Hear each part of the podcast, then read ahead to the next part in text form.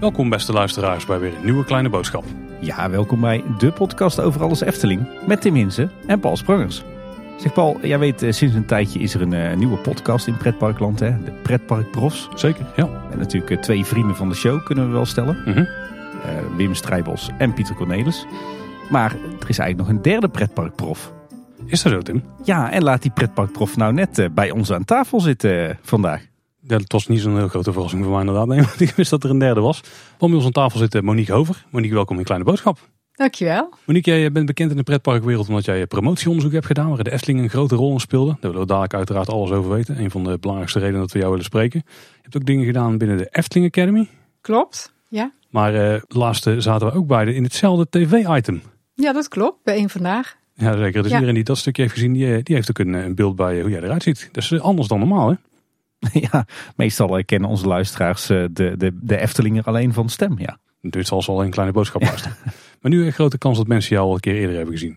Monique, voordat we de materie in gaan duiken, want er is vrij veel materie te bespreken, letterlijk dit keer. Stel jezelf eens kort voor. Wie ben je, wat doe je en wat is jouw connectie dan met de Efteling? Nou, ik ben Monique Hover. Ik ben lector storytelling aan eh BUAS, Breda University of Applied Sciences. Wat heel veel mensen waarschijnlijk nog zullen kennen als NHTV in Breda. Maar op een gegeven moment is die naam veranderd. We gingen eigenlijk steeds meer nationaal en ook vooral ook internationaal doen. Dus ja, het idee van dat dat dan Noord-Holland TV was, dat werd een beetje raar. en Amerikaans zeiden, wat what's TV about it en zo. Dus BUAS is het eh, tegenwoordig.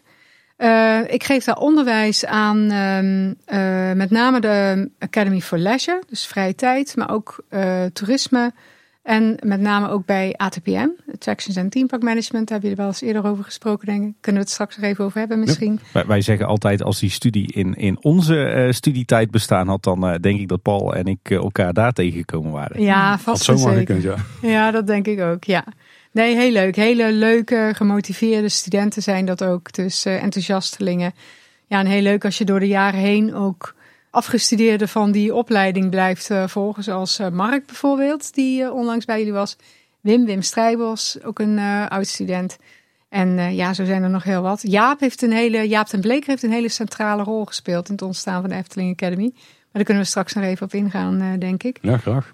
Ik geef ook eh, onderwijs aan de Master Imagineering en de Master Strategic Event Management. En dat zijn professionele masters. Dus je hebt academische masters en dit zijn de professionele masters.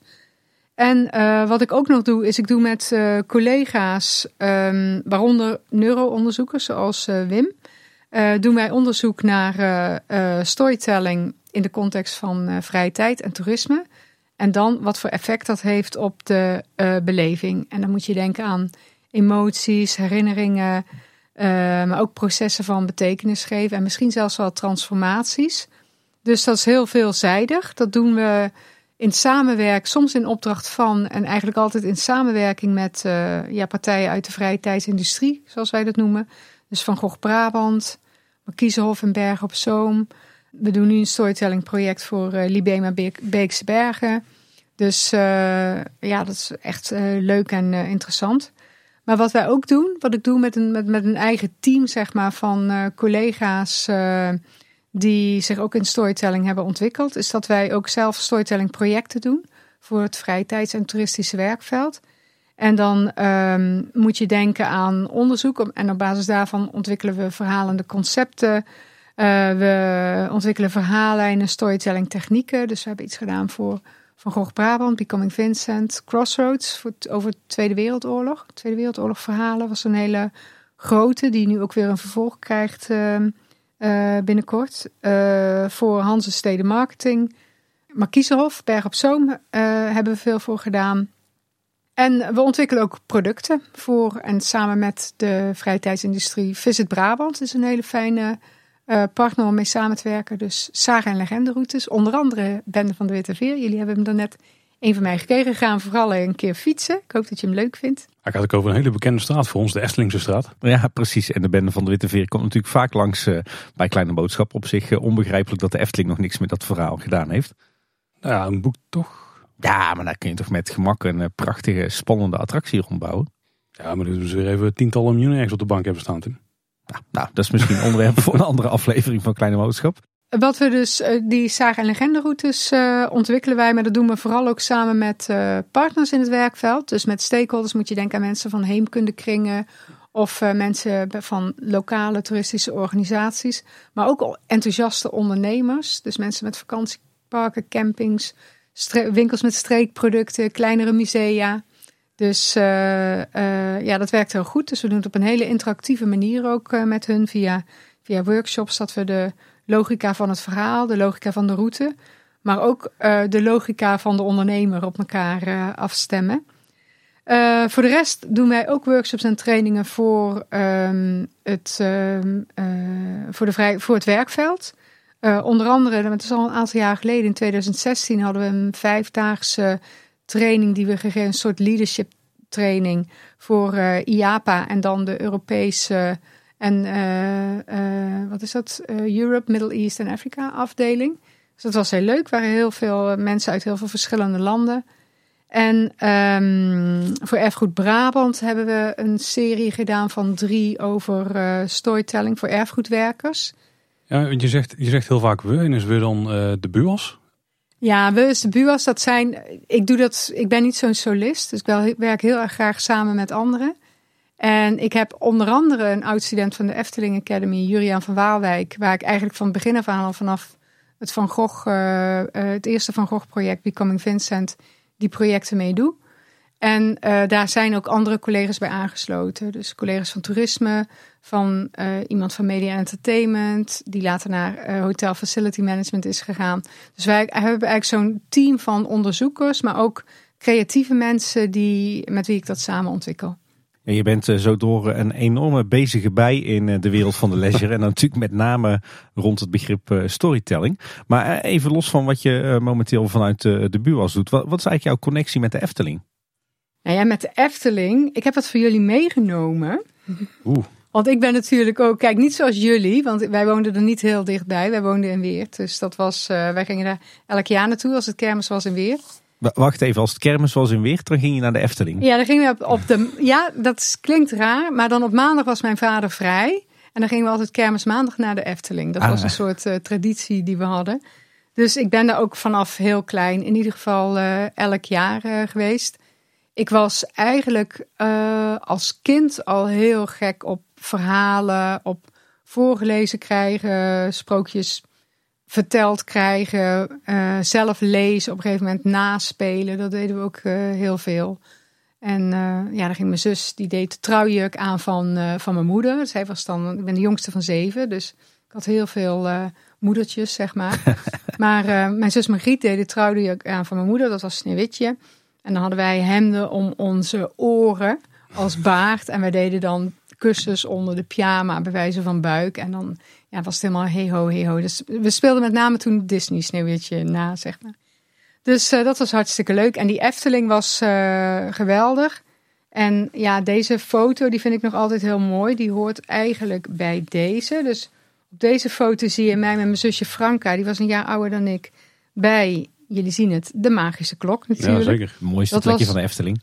Dat is een prachtig stukje van de Efteling. En dat, is, um, dat was toen nog de lange versie natuurlijk. En daar kon ik ademloos naar luisteren. We hadden ook dat, dat grammofoonplaatje erbij.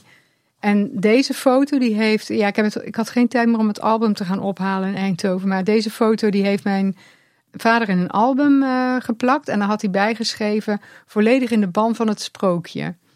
En dat was iets, dat kwam ik pas tegen eigenlijk toen ik ja, mijn proefschrift was aan het afronden. En Robert Jaap, die het zou gaan ontwerpen, zei van heb je niet nog leuke foto's van jezelf als kind? Dus ik had eigenlijk dat album gezocht en dat met hem doorgenomen welke we zouden gebruiken. En toen dacht ik, dat is toch mooi dat mijn vader zo'n vooruitziende blik heeft gehad. Dus dat is eigenlijk altijd zo gebleven, die connectie met uh, Efteling. Maar ja, ik moet wel zeggen dat um, ja, deze vind ik ook mooi op het basaltstenen weggetje.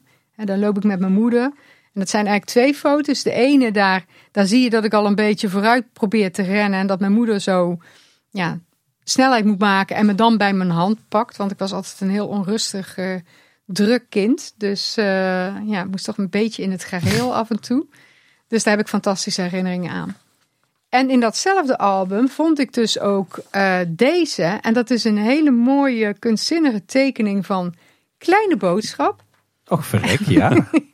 En daar staat onder Monique 5. Dus ik was vijf jaar toen ik dat natekende. Want ik ben denk ik wel de minst. Ik denk dat ik misschien wel een beetje creatief ben. Maar ik ben wel de minst artistieke in de familie volgens mij. Maar ik heb uh, broers, een broer en zussen die heel mooi kunnen tekenen. En dat tekende ik dan uh, na zo goed en zo kwaad als het kon. Dus die is voor jullie. Dankjewel. Nou, Ja. Voor vijf jaar is het een prima tekening hoor. Voor vijf jaar is die best Ja? heel goed, ja. Ja, natekening dan, hè. Dus We hebben een eh, anders, echte ja. Monique Hover in onze collectie. Zo, er Paul. niet veel Kijk kunnen zeggen. Nee, precies. Maar, ja. maar we kunnen dus wel stellen, Monique, dat, eh, dat de Efteling, maar ook in de algemene zin het verhalen vertellen en, en sprookjes echt bij jou al van een kind af aan eh, centraal stonden. Ja, zeker. Ja. Maar er zijn natuurlijk wel, voor mij waren er wel een aantal jaren dat die Efteling niet zo eh, in beeld was. Ik ben gaan studeren in Utrecht aan de universiteit. Ik ben Italiaans gaan studeren.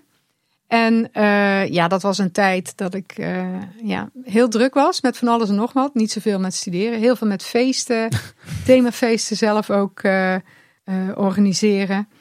En ehm, ja, toen kwam ik eigenlijk niet. Een enkele keer als ik dan met mijn ouders en mijn ouders gingen met mijn nichtjes van mijn oudste zus naar de Efteling, dan ging ik wel eens mee. Dus toen was het een tijdje uit beeld.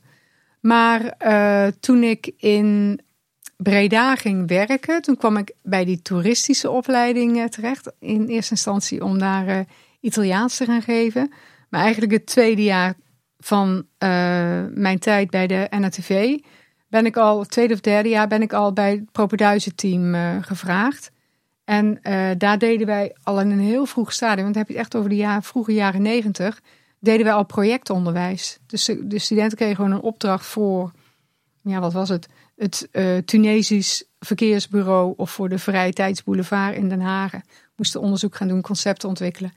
En dat was eh, ontzettend leuk. En met die, die propenduizengroepen, daar was je dan ook mentor van. En ik weet nog dat wij een keer een eh fieldtrip hadden naar eh, de Efteling. En dat was in het Efteling eh, Hotel. Kregen die studenten een fantastische presentatie van Reinhard van Assendelft, die hier ook wel Ah, is geweest. Kijk, Die kende ik toen nog niet persoonlijk. Maar ik had toen een, ehm, een van de overhemd aan van Donaldson. Ik weet niet of dat merk nog bestaat. Lichtblauw overhemd. Best heel duur met Mickey's erop. Dat was toen modern. En daar maakte Reinhard een opmerking over. Ik weet niet meer precies wat het was. Maar ik geneerde me dood tussen al die studenten. Ik was nog super jong natuurlijk. En ehm, ik weet ook nog dat mijn collega Geert en ik... want we waren dan met twee mentorklassen daar... dat wij zeiden van ja... Eh, we moeten nu door het park naar het, eh, het eh, restaurant bij de, hoe heet het nou, naast Vogelrok? Ja, dat heeft heel veel namen pa- Panorama momenteel. Ja, ik noem het café-restaurant van Ja, oudsher.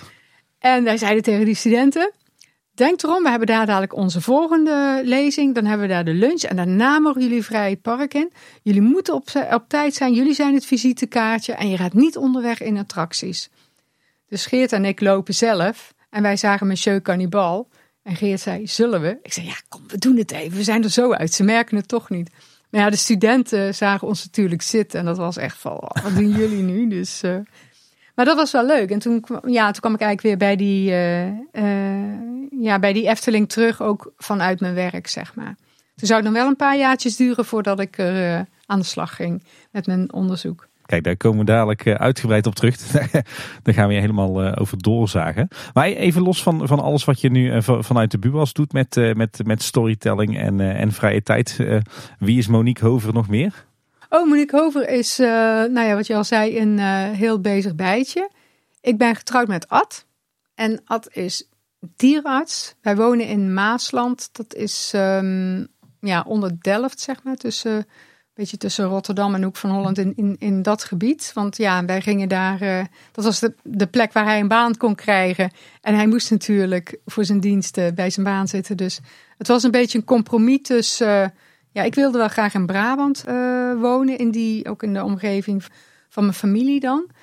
Maar Atti kwam uit Noord-Holland. Dus Zuid-Holland was een beetje een compromis tussen ons. Hij wilde wel heel graag terug naar de Zaanstreek, maar dat zat er toen ook niet in.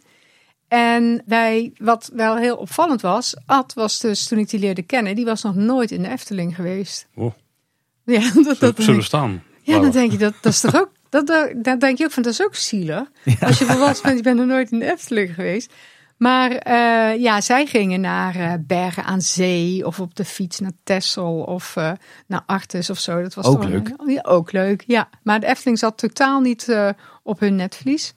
We hebben twee zoons, Sam en Lucas. Sam is inmiddels militair arts. En Lucas die is de creatieve kant op gegaan. Die is een gamingopleiding gaan doen. En die heeft nu een eigen game studio, Twirlbound in Breda. Die hebben een hele succesvolle game al uitgebracht. Die heet Pine. En ze werken nu aan een game Squire. Dus zo grappig. Ze zijn ja, heel verschillend, maar ook uh, hele goede maatjes. En toen die jongens er waren, gingen wij natuurlijk wel naar de Efteling. Het zij met opa en oma en, uh, of met de hele familie aansluitend op een familieweekend. Alle neefjes en nichtjes. Dus uh, dat was hartstikke leuk. En ik weet dat Lucas dat hij een jaar of drie was. Dat hij zei, ja, wat wil je later worden? En zei die werker in de Efteling. Want hij wist ook niet, ja, ik wil daar iets doen. Dus werker zal wel iets zijn. Goede ambitie. Ja. ja. Zeg, en Monique, ik, uh, we hebben het woord al heel vaak laten vallen. En we gaan het waarschijnlijk de rest van, uh, van deze aflevering ook nog heel vaak laten vallen. Uh, storytelling. we, we hebben binnen ons team van Vrienden van Kleine Boodschap altijd al gekscherend gezegd een professor storytelling. namelijk Philip Corsius. Die hebben we ook al meerdere malen te gast gehad hier. Maar nu hebben we eigenlijk echt een professor storytelling eh, tegenover ons. Tenminste, jij bent het ook eh, nou, bijna formeel als titel, toch? Ja, ik ben lector storytelling en dat heet in internationaal kunnen wij ons professor uh, University of Applied Sciences noemen. Dus ik ben, ik ben geen hoogleraar, want dan zou je ook promotierecht hebben. Dus dan kun je iemand zeg maar als eerste bij je laten promoveren. Ik kan wel in uh, ik kan wel promovendi begeleiden, maar um, dus dat.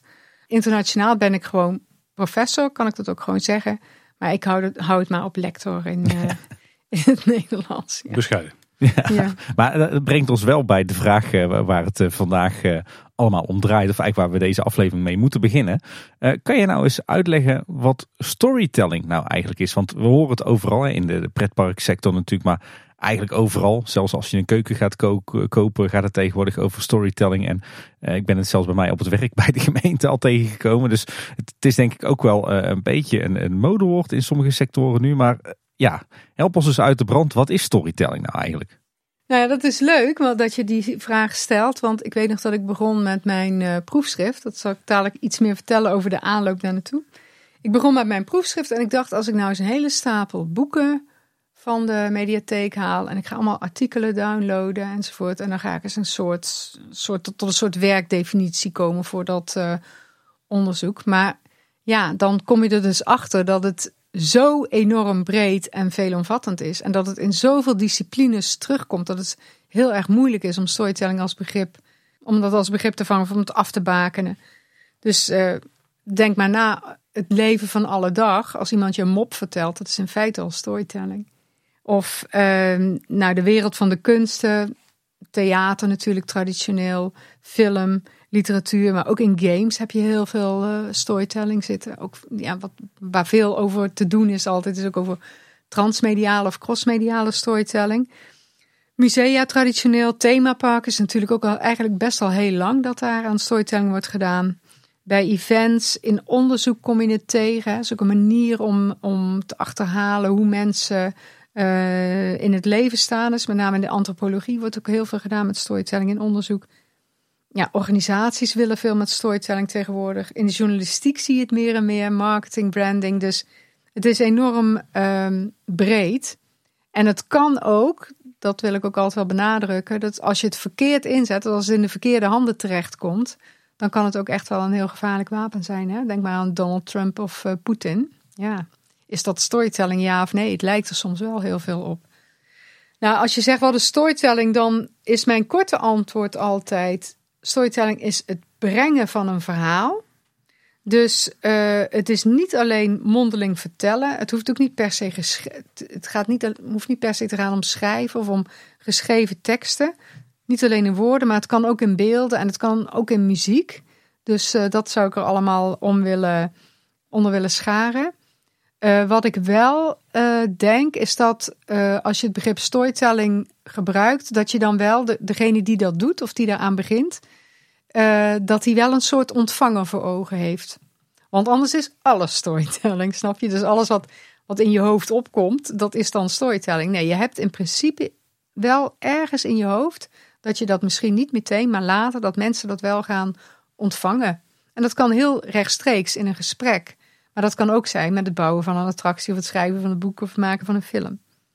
Als je het lange antwoord wil, en zo heb ik het uiteindelijk afgebakend voor mijn onderzoek, dan, is het het, uh, dan zie ik storytelling als een uh, narratieve praktijk, als iets wat mensen doen. Het is een soort menselijk handelen op het gebied van uh, verhalen.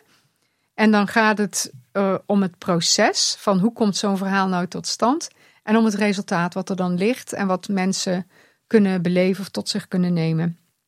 En uh, zo'n creatieproces van een verhaal, of van een beleving die gebaseerd is op een verhaal, die is altijd gesitueerd in een context. En dat is met name ook waar het in mijn onderzoek uh, om ging. Van hoe werkt dat nou, die verteller en die context.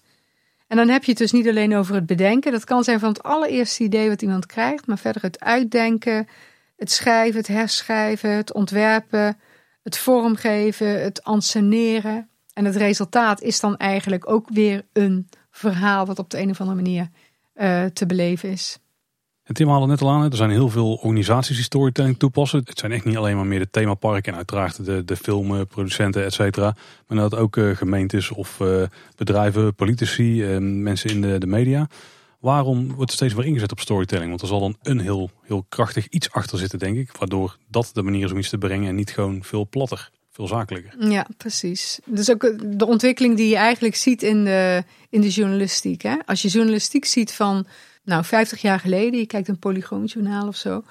Dat is heel erg erop gericht op het overbrengen van informatie. Maar geleidelijk zijn we in een situatie gekomen waarbij het steeds belangrijker wordt om de aandacht van mensen te trekken en om mensen emotioneel te raken. Althans, mensen emotioneel raken betekent dat je de aandacht hebt.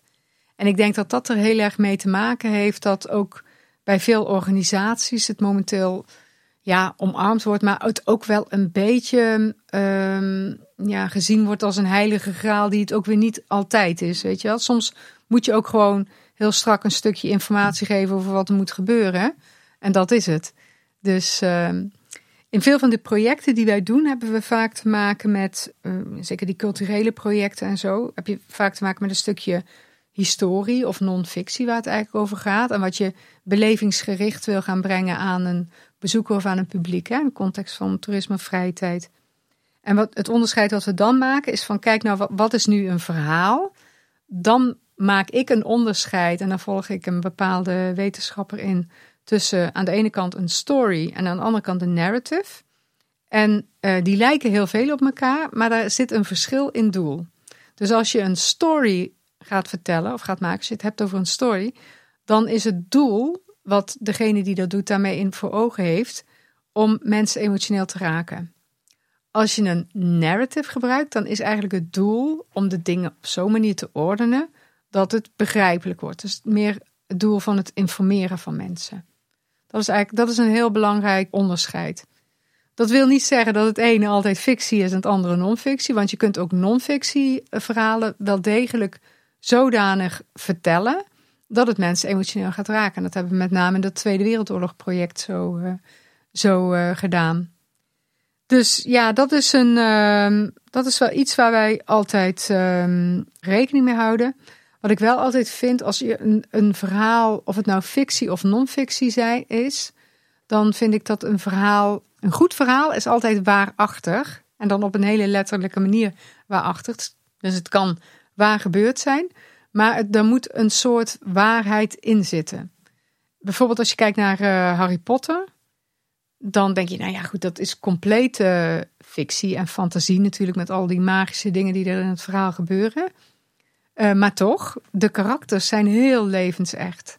Dus de problemen van die karakters en hoe ze zich ontwikkelen, die zijn, ja, dat is, uh, daar, daar kan elke jongere of elke tiener kan zich daarin herkennen. Dus onzekerheid, jaloezie, ruzie, uh, drift, dat soort dingen komen daar allemaal in terug. Ik, op die kar wil ik wel even springen, Monique. Want ik heb, ik heb wel eens discussie met mensen. Of althans, ik meen dat mensen in mijn omgeving uh, niet snappen dat ik um, wel iets heb met bepaalde fantasy. Zoals een Harry Potter. Daar, daar kijk ik graag naar, daar lees ik graag. Uh, maar bijvoorbeeld een, ik een, weet wel een, ja, bijvoorbeeld een Star Wars of een Lord of the Rings. Dat doet helemaal niks bij mij. Dat vind ik verschrikkelijk. Daar kan ik echt niet naar kijken. Ik, zal ook, ja, ik voel ook geen enkele aandrang om naar, uh, naar Amerika te gaan om een van die Star Wars uh, themagebieden bij Disney te bezoeken. Ja, waar, waar zit hem dat nou in? Zou, zou dat dus uh, veroorzaakt kunnen zijn door de vraag: is iets waarachtig of niet?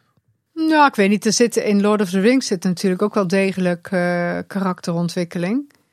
Ik ben het wel met jou eens met Lord of the Rings. Er zijn mensen zijn daar enorme fan van. Maar wij gingen wel eens voor een kinderfeestje dan met naar een Lord of the Rings film. Met allemaal van die jongetjes. En dan zat ik in die bioscoop en denk van oké, nou het is afgelopen. En dan kwam er weer zo'n leger aan. Ik denk, wie zijn dit nu weer? Weet je, het is allemaal te groot en te uitgesponnen. En dat vind ik bij, ik ben het met je eens, ik hou ook veel meer van, uh, van Harry Potter. Juist ook omdat die ontwikkeling van kind tot ja, jong volwassene zo ontzettend goed wordt, uh, wordt neergezet. En ik vind het de wereld van Harry Potter, wat ik er ontzettend leuk aan vind en interessant aan vind, is dat J.K. Rowling die story world zo enorm gedetailleerd heeft uitgewerkt. Wat ze eten, wat ze drinken enzovoort, dat zit er allemaal in.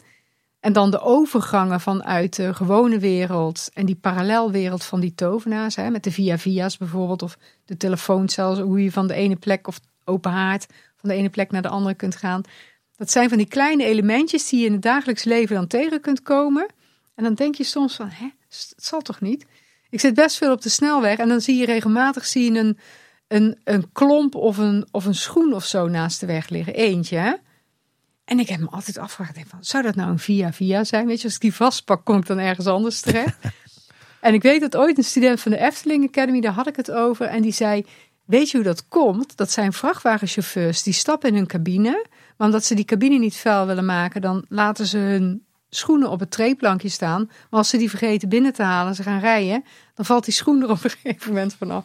Dus ik was een illusiearmer. Ja, het hele verhaal kapot gemaakt. Wel een mooi voorbeeld van storytelling, want nu gaan we het dus niet meer vergeten dankzij dit kleine verhaaltje. Zo is het. Informatie is goed overgebracht, omdat ja. we even gepakt waren. Ja. Iets, als we het dan toch over storytelling eh, hebben. Iets wat heel vaak voorbij komt, zeker ook in de themaparkwereld en ook bij Kleine Boodschap, is uh, de, de, tegenstelling tussen expliciete storytelling en impliciete storytelling. Hoe, zit dat dan precies? Ja, dat is eigenlijk veel simpeler dan veel mensen het denken. Expliciete storytelling is iets in woorden. Dus dat kan zijn een geschreven tekst, dat kan zijn een audio die je hoort, dat kan ook zijn een gezongen verhaal. Bij de musicals kom je dat bijvoorbeeld tegen. En uh, impliciete storytelling is, uh, dat zijn eigenlijk elementen die een verhaal bij jou oproepen. En dat kan zijn een bestaand verhaal. Dus dat kan zijn een, een sequentie van beelden. Of misschien dat ene beeld, hè, die wolf in bed en dat rood kapje voor de deur. Dan wordt dat verhaal bij jou weer geactiveerd. En je hoeft niet precies te weten hoe het dan afliep of wat er precies aan vooraf ging. Maar het doet iets met je. Het, het appelleert ergens aan je referentiekader. Een schoen langs de snelweg bijvoorbeeld. Die schoen langs de snelweg, ja. Daar kun je dan over gaan fantaseren, ja. Dat is zeg maar het, het ene niveau, als we het dan even over de Efteling hebben.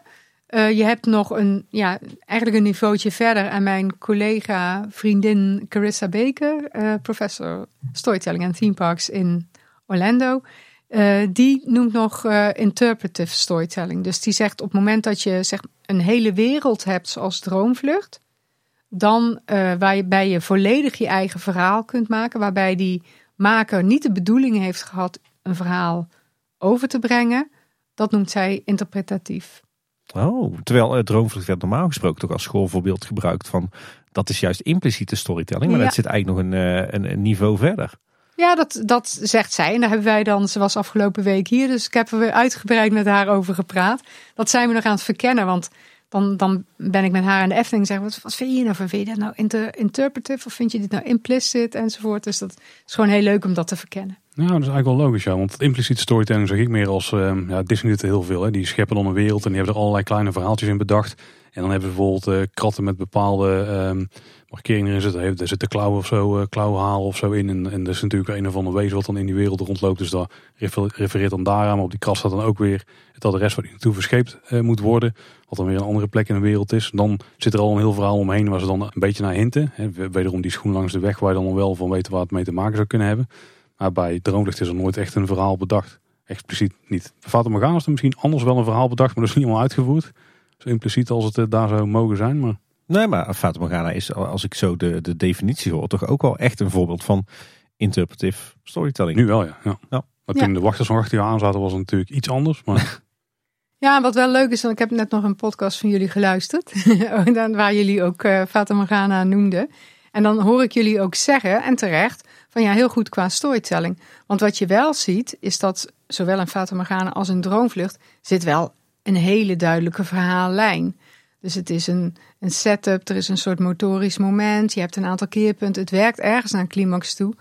En het verhaal wikkelt zich af. Je hebt een resolutie, je wordt het, het wordt rondgemaakt, je wordt weer teruggebracht eh, op je uitgangspositie als het ware.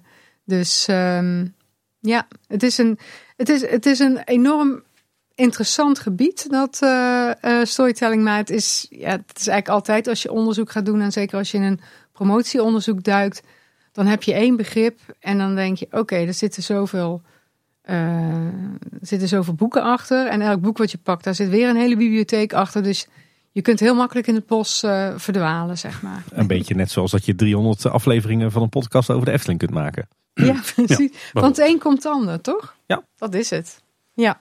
een term die je ook al aanhalen is eh, crossmediale of transmediale storytelling. Daar hebben we natuurlijk Filip ook al over gesproken. Maar kun jij nog eens duiden wat dat dan eh, precies inhoudt? Eh, ook daar zijn weer verschillende definities en eh, theorieën van. Ja, ik, ik ga er altijd vanuit. Crossmediaal is dat je het, het, hetzelfde verhaal via verschillende media eh, brengt. Dus dat kan een, een, in een boekje staan, dat, dat kan een film zijn, dat kan een musical zijn. Dus aan de ene kant, als je kijkt naar Harry Potter, zou je zeggen dat is crossmediaal. Want je hebt gewoon de geheime kamer. En je hebt eh, de gevangenen van Azkaban en zo. En hoewel de film natuurlijk wat iets anders is en natuurlijk ook korter dan al die pagina's uit dat boek, is het in wezen wel hetzelfde verhaal. Hetzelfde plot en hetzelfde eh, karakters. Eh, transmediaal, en dat is ook iets wat bij Harry Potter voorkomt, is als je de, zeg maar naar een ander platform moet om het volledige verhaal mee te krijgen. Of alle verhalen die daar nog omheen horen. Dus eh Pottermore, die website, daar kun je ook zelf gekozen worden. Kun je nog meer ehm, voor een bepaald huis, kun je nog meer dingen gaan ontdekken enzovoort. Dus ehm, ja, zo zie ik eigenlijk dat eh, verschil. En wat niet veel mensen denken van dat is iets heel nieuws, transmediaal. Meestal wordt eh, de Matrix als eerste voorbeeld ervan genoemd. Maar in mijn onderzoek heb ik ontdekt, nou ja, het was geen super ontdekking of zo, maar ben ik wel tegengekomen dat begin jaren 50 de Efteling eigenlijk al aan transmediale storytelling deed. Begin jaren 50. Begin jaren 50. Is dit een eh, teaser voor later deze aflevering? Weet ik niet, ik kan het nu wel zeggen. Nou, kom maar op ja, dan. kom op. ja. 1955. Eh, Bob Vemmans, die kennen jullie natuurlijk. Die heeft een fantastisch leuk boekje eh, geschreven. En jarenlang is die eh, medewerker ja, communicatie, zou je kunnen zeggen, van de Efteling. Zo zou je het tegenwoordig eh, noemen. Die schreef een sprookjesboek eh, voor de Efteling. En over de Efteling. En dan was het fantastisch, ging helemaal door over het sprookje. En op een gegeven moment stopte die en dan zei hij... Als jullie willen weten hoe dit sprookje afloopt, kom dan naar de Efteling. Dus heel bewust lokte hij de bezoekers naar het andere platform, namelijk de Efteling, om het volledige verhaal mee te krijgen. Transmediale storytelling, een hele zuivere vorm, 1955. Die Bob die was een tijd eh, flink vooruit. Die was de tijd flink vooruit, zeker. Ja. Maar dan, eh, hè, als we kijken naar de transmediale storytelling, dan is dus eh, hoe Disney nu omgaat met een Star Wars, maar zeker ook met eh, de hele Marvel eh, universe. Dat zijn dan ook echt schoolvoorbeelden van transmediaal storytellen, toch? Ja, als je zeg maar stukken van het verhaal op een andere plek gaat beleven, of het verder uitgediept wordt of verder vorm krijgt, dan wel. Maar als je zegt van het is ongeveer hetzelfde, dan, dan zou ik zeggen het is cross, crossmediaal. Want Ja, het gaat gewoon op een ander platform. Ze maken bij Disney wel heel moeilijk, want ze hebben dan de Marvel Cinematic Universe, eh, maar je hebt dan ook de Marvel Theme Park Universe. En daar zijn dan ook weer technisch gezien twee verschillende, hoewel alles er hetzelfde uitziet en ze ervan uitgaan dat bepaalde verhalen hebben afgespeeld. Ja, dat is ingewikkeld. Maar eh, volgens mij deed Star Wars het eigenlijk al heel lang geleden. Want die hadden ook naast de films gewoon boeken die dan andere verhalen vertelden dan degene die je in de film zag. Ja, En speelgoed is misschien ook wel een interessant voorbeeld daar. Want daar kun je, daar kun je bijna je eigen verhalen mee gaan verzinnen, zeg maar. Dat deden ook heel veel kinderen natuurlijk. Maar volgens mij hebben we daar ook, eh, zijn er ook, ja, dat weet ik trouwens niet zo zeker of dat er ook speelgoed is uitgebracht wat dan niet in de film zat. Hm, nee, dat is niet helemaal mijn specialiteit. En eh, misschien ook eh, meer eh, onderwerp van gesprek in een Disney-podcast. Eh, ja, maar we hebben het over storytelling. Hè? Dus, eh, eh, wat wel interessant is, is dat Ravelijn is eh, het onderwerp waar Philip onderzoek naar heeft gedaan. En die heeft eigenlijk beide. Want je hebt dan het boek, eh, wat dan een verhaal vertelt. In de show werd initieel een, ook een belangrijk deel van datzelfde verhaal verteld. Je had de tv-serie. Maar je hebt ook delen die echt wel verder gaan. Nu heb je tegenwoordig het heldendiner. Dat is echt een uitbreiding van hetzelfde verhaal eigenlijk. Of meer verdieping van wat daar rondomheen gebeurt. En je hebt natuurlijk de wereld waar je erin begeeft. Want daar heb je ook gewoon, je hebt al die gebouwen staan in de stad en zo. Waarbij je ook je eigen verhaal weer kunt gaan verzinnen. Oeh, dan heb je toch die eh, impliciet, expliciet en Inter- Interpretive. interpretive. Zo. interpretive. Ja, die hebben we dan ook nog zelfs. Ja. Ja. dat vind ik trouwens wel een lastige. Is Ravelijn nou crossmediaal of transmediaal? Want uiteindelijk grijpt het wel allemaal terug op hetzelfde verhaal natuurlijk. Ja, maar het zijn wel uitbreidingen van dat verhaal. Dus op het moment dat je eigenlijk al een game erbij hebt. Ja, ik, heb de, ik ken de Ravelijn game niet. Maar games erbij. Dan krijg je eigenlijk ook weer een uitbreiding. Dus ik zou wel zeggen transmediaal. Julian van Waalwijk heeft overigens ook eh, voor zijn bachelor eh, thesis destijds. Die heeft een onderzoek gedaan naar. Dat was een vergelijking tussen transmediale storytelling Ravelijn en eh, Harry Potter. Dus dat was leuk. Ja, je had het net al het boekje van eh, Bob Venmans aan. Die vertelde sprookjes die in Efteling plaatsvonden. En dan niet eens compleet. Sprookjes zijn denk ik een heel interessant onderwerp om eh, op in te zoomen. Daar weet je ook vrij veel van inmiddels. Dus laat je daar zeker over aan de tand voelen. Want wat is nou een sprookje? Ja, dat dacht ik ook van. Dat zal toch wel heel eenvoudig zijn. Maar zo Ja. eenvoudig is dat eigenlijk nog niet. Nou, sprookjes worden eigenlijk ehm, gerekend tot de categorie volksverhalen. Omdat bij sprookjes, daar hangt eigenlijk altijd het idee omheen dat ze oeroud zijn. En dat ze van generatie op generatie mondeling werden overgeleverd en dergelijke. Je hebt dus eigenlijk van oudsher een onderverdeling tussen sprookjes als in volksverhalen, die in, vanuit de mondelinge traditie voortkomen en op een gegeven moment opgeschreven zijn. Dat was het oude idee. En dan heb je daarnaast ook nog eh, de kunstsprookjes, waarbij je wel heel duidelijk kunt zeggen: dit was de eerste verteller van dit sprookje. Bijvoorbeeld Hans Christian Andersen sprookjes of Carlo Collodi van eh, Pinocchio. Ik moest inderdaad meteen aan Hans Christian Andersen denken. Ja. Ja, Nou, precies. Dus een, dat is nogal een verschil, ja. Maar de inzichten zijn met de jaren daar wel een beetje over eh, veranderd. Dus ehm, het blijkt eigenlijk uit onderzoek dat de literaire traditie, dus sprookjes die werden opgeschreven, ja, veel belangrijker waren dan voorheen gedacht. Dus dat, dat er eigenlijk veel meer mensen konden lezen en schrijven. En dat het ook verhalen waren die zeg maar gelezen werden en weer verder verteld werden. Ja, binnen de wat hogere klassen, zeg maar, waar mensen eh, goed waren eh, opgeleid. Dus eh, de Grims hebben wel toen zij begonnen met hun eerste versie van de Kinder- en Huismärchen, hebben zij zelf meegewerkt aan die illusie van het zijn volksverhalen. En we hebben ze allemaal opgehaald bij eh, eh, de boertjes hier in de omgeving, maar dat was eigenlijk helemaal niet waar. Oh, Dus eh, ja. Hoe is het ontdekt dan? Ja, hoe hebben ze dat dan ontdekt? Ja. Kijk, de Grims waren wetenschappers die zich in, in, interesseerden voor taalkunde en voor volkscultuur. En in de tijd dat zij jong waren, werd het gedeelte waar zij woonden in Duitsland bezet door de Fransen. En de Franse overheersing betekende, zoals jullie misschien al weten nog van de geschiedenisles, dat er ook cultureel nogal wat eh, gebeurde. Dus de Grims waren heel bang dat het stukje oude volkscultuur zou gaan verdwijnen onder invloed van die eh, Franse overheersing. Dus zij wilden eigenlijk wat zij dan noemden de splinters van de edelsteen, die wilden ze gaan vastleggen voordat het te laat was. Want zij dachten, ja, als die sprookjes niet meer verteld worden, dan, eh, dan sterft dat op een gegeven moment uit. En dan verdwijnt het Duits misschien wel helemaal en, en dergelijke. Dus zij zijn die verhalen gaan verzamelen, maar dat deden ze vaak bij. ehm, zij, zij kwamen uit een eh, best wel goed milieu. Dus jonge dames uit hun eigen milieu. Maar het bleek dat die dames, die jonge dames, die hadden vaak, die waren opgevoed door gouvernantes. En die gouvernantes waren vaak Frans. En die hadden in hun opvoeding, die namen weer verhalen mee van Perrault, hè, eind 1600, die de sprookjes van Moeder de Gans uh, heeft geschreven.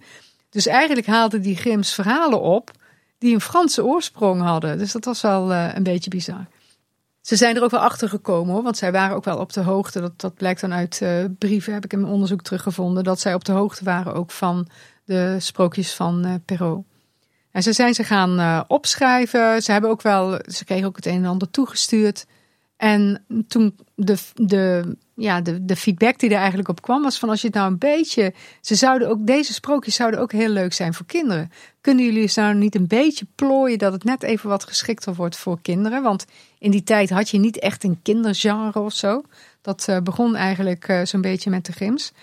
En dat zijn ze toen gaan doen. Dus die sprookjes zijn eigenlijk tussen 1812 en 1857, als ik het niet mis heb, hebben ze die nog heel vaak herschreven om het ook geschikter te maken voor kinderen. Maar ook om er heel bewust een opvoedkundig verhaal van te maken. Mm -hmm. Dus hè, het, het, werd ook een heel belangrijk boek in de, in de opvoeding van kinderen. En het is in een bepaalde periode ook was het het uh, één na best verkochte boek ter wereld na de Bijbel. De Bijbel, ja. ja. een mooie eer. Maar ja. klopt het dan ook dat sprookjes eigenlijk van oudsher veel gruwelijker en bloederiger waren dan hoe ze nu zijn opgeschreven? Ja, dat is natuurlijk altijd. Kijk, elk verhaal wordt verteld in een bepaalde context. Daar wordt rekening gehouden met de, de smaak van het publiek, met de normen en waarden enzovoort. Maar in de tijd van de Grims en in de tijd van Perrault overigens ook, uh, mochten sprookjes ook wel flink, uh, ja, dat, dat noemen ze dan ook de schrekkenmerkje. Hè? Je mocht er flink van schrikken, want je moest echt wel gewaarschuwd worden dat je geen uh, verkeerde dingen deed. Dus um, de Grims hebben het een en ander al iets verzacht. Hè? Dus als je bijvoorbeeld kijkt naar het sprookje van Roodkapje. Bij Perrault was dat gewoon, ja, bij die wolf in bed stappen. Nou, je wordt opgegeten en dat was het einde van het sprookje. Liep slecht af. En daarna zat er nog een soort moralité in het Frans, in rijmvorm. Waarbij uh, dan stond van, nou ja, let vooral goed op voor die wolven. En vooral die wolven die zo heel van die zoete praatjes verkopen, zeg maar, dat zijn de allergevaarlijkste. Dus dat was ook voor een ouder publiek bedoeld. Nou, de Grims vonden dat dan te, go te gortig en die hebben er dan van gemaakt van, nou goed, het wordt wel opgegeten. Maar de jager komt langs, dat was echt een verzinsel van de Grims. Buik wordt opengesneden, stenen erin. En de wolf, als hij wakker wordt, staat op en valt dood neer. En Roodkapje neemt zich voor om nooit meer ongehoorzaam te zijn. Het hele grappige is, in, in, de, in een eerdere versie van de Grims, en ook in dat boek, volgens mij ook in het boek wat Anton Pieck nog geïllustreerd heeft in de jaren 40, was eigenlijk na dat verhaal zoals wij dat kennen. Hè? Dus de jager en dit en dat, en ik zal nooit meer ongehoorzaam zijn, of zal doen wat mijn moeder zegt, of wat dan ook. Daar zat nog een soort tweede episode aan vast. En dat was Roodkapje, die ging nog eens een keertje naar de uh, grootmoeder toe. Kwam opnieuw een wolf tegen. Die probeerde haar van dat pad af te lokken. Maar Roodkapje dacht van ja, nou, dit doe ik niet. Ik ga nu, ik heb, dat, uh, ik heb mijn lesje geleerd. Die ging regelrecht naar uh, grootmoeders huisje. De wolf achtervolgde haar. En die ging daar op het dak zitten. Want die dacht, nou ja, vroeg of laat moet ze naar huis. En dan pak ik haar. Dus uh, Roodkapje en grootmoeder gingen dan even overleggen wat ze zouden doen. En grootmoeder zei van, nou als jij nou even naar buiten gaat. Want ik heb gisteren heb ik worst gekookt, dus ik heb hier dat water nog staan, die bouillon. Als jij nou even naar buiten loopt en je gooit dat in de trog, hè, voor de dieren om te drinken, die tegen het huisje aanstond. Dan uh, lokken we hem van dat uh, dak af. Nou, Roodkapje doet dat en de wolf die komt aan en die snift en die snift en die snift nog een keer. En die valt voorover in die trog en die verdrinkt. Dus het is een superleuk einde. En eigenlijk ook iets wat, wat het nu in deze tijd weer heel goed zou doen. Dan denk van nou, dat is toch wel echt girl power, die twee bij elkaar. Die zijn, ja. niet, die zijn niet mis. Maar ja, later is dat dan om redenen van, nou ja, dan gaat die, die les een beetje verloren. Of misschien moest het sprookje wat korter zijn. Wordt dat weer weggelaten. En dat vind ik dan heel jammer. Dan denk ik, ja, in deze tijd zou dit juist weer uh, goed doen. Maar goed, het is waar. Sprookjes waren vroeger veel... Uh, uh, veel uh, gruwelijker. Van de andere kant denk ik, als je nu ziet, dus de, de wat recentere content, als je denkt aan uh, Maleficent of Hansel en Gretel en zo, meer die, die content voor jongvolwassenen, zeg maar, wat gemaakt is, hè, waar ook sprookjes voor gebruikt zijn, met name in films. Ja, dat kan ook weer behoorlijk gruwelijk worden met weerwolven en dergelijke. Dus het, ja, fluctueert nogal. Ja, ja en er is mij, ik heb ooit wel eens ergens gelezen dat die, die wolf in het originele sprookje van Perrault, dat het ook een beetje een metafoor was voor mannen met uh, nare bijbedoelingen. Heel duidelijk, ja. Want het verschil tussen Perrault en Grimm is ook, bij Perrault zegt de wolf van als jij je nou even uitkleedt, dan kom bij mij in bed liggen. Dat, of dat zegt grootmoeder natuurlijk. En dat doet Roodkapje. Dus, uh, maar dat vonden de Grims, die vonden dat ook helemaal niet uh, geschikt. Dus dat hebben ze er al uitgehaald. Van ja, dat is voor ons publiek is dat niet leuk. Dus dat, uh, dat gaan we zo niet doen. Dat is niet netjes. Maar ja, er zijn ook versies bekend van Roodkapje. Waarbij Roodkapje, de wolf, die eet grootmoeder op. Maar die bewaart een beetje van de bloed. Dat doet hij in een, in een bekertje. En wat vlees. En Roodkapje komt binnen. En dan zegt ze, ja, moet je eerst even wat drinken een beetje wijn drinken, maar dat is het bloed van grootmoeder. En eerst even een beetje vlees eten. Dus er zit ook wel iets van cannibalisme in. Er zijn heel veel rare versies ook van dat uh, sprookje bekend. Ja. Gaat de wereld uh, voor open hier, uh, Monique? Ja, kan er niks aan doen. Maar de, het, het, het, eigenlijk het fenomeen dat er een, echt een, een, duidelijke moraal zit in een sprookje, dat, dat is dus niet iets wat geïntroduceerd is door de Grims, maar dat is, komt eigenlijk al uit de tijd van Perrault. Ja, zeker wel. Ja, ja, komt zeker wel uit die tijd. Ja, kijk, sprookjes en, maar dat geldt eigenlijk in het algemeen voor verhalen. En Jack Sipes, dat is een onderzoeker uit Amerika, die zegt dat ook altijd heel mooi. En die citeert daarbij eigenlijk Aristoteles, hè, de oude Griekse wijsheer. Is uh, uh, van verhalen, daar gaat het om learning without being taught. Dus je kunt iets leren zonder dat iemand het je echt onderwijst. En dat is denk ik ook echt de, de, de kracht van, uh, van sprookjes. Daar zit gewoon een soort wijze les in die, um, die je eruit kunt halen. Misschien interessant om nog meer te kijken naar wat dan sprookjes echt sprookjes maakt. Want je hebt natuurlijk gewoon verhalen en je hebt sprookjes. Ja. Soms is de, de, de scheidingslijn heel erg eh, grijs, denk ik. Maar was er nog echt typische sprookjeseigenschappen? Ja, sprookjeseigenschappen zijn wel sowieso dat ze ook wel mondeling zijn doorverteld of worden doorverteld. Hoewel je dat, als je kijkt naar de recentere sprookjes, misschien niet meer echt heel nadrukkelijk uh, tegenkomt. Uh, sprookjes gaan om een onbestemde tijd en plaats. En dat is dan vaak ja, wat wij noemen de feodale tijd. Dus een tijd van prinsen en prinsessen en zo. Die hele wereld kun je je daarbij voorstellen. Het zijn nogal, hè, dus er was eens in een land hier heel ver vandaan.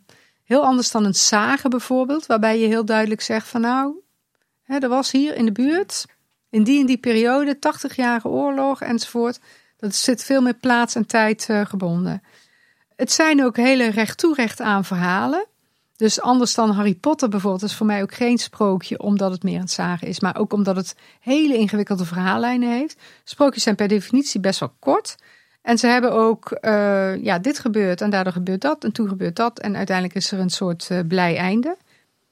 Het draait bij sprookjes vaak om een uh, jong karakter of een jong volwassene of een kind kan het ook wel zijn. Hè? Dus Roodkapje, Klein Duimpje, Hans en Grietje. Dat zijn wel echte kinderen.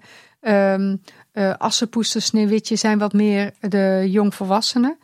Die op de een of andere manier iets meemaken. Vaak ook een, een verwijdering van huis. Dus ze, ze gaan, ze worden weggestuurd, ze worden achtergelaten in een bos, ze moeten wegvluchten, ze gaan op avontuur. En uh, komen dan allerlei obstakels tegen. En ja, dan worden ze eigenlijk doordat ze, uh, ze komen tegenwerkende krachten tegen die zijn ook vaak heel concreet. Dus dat kan zijn de heks, de wolf, de reus.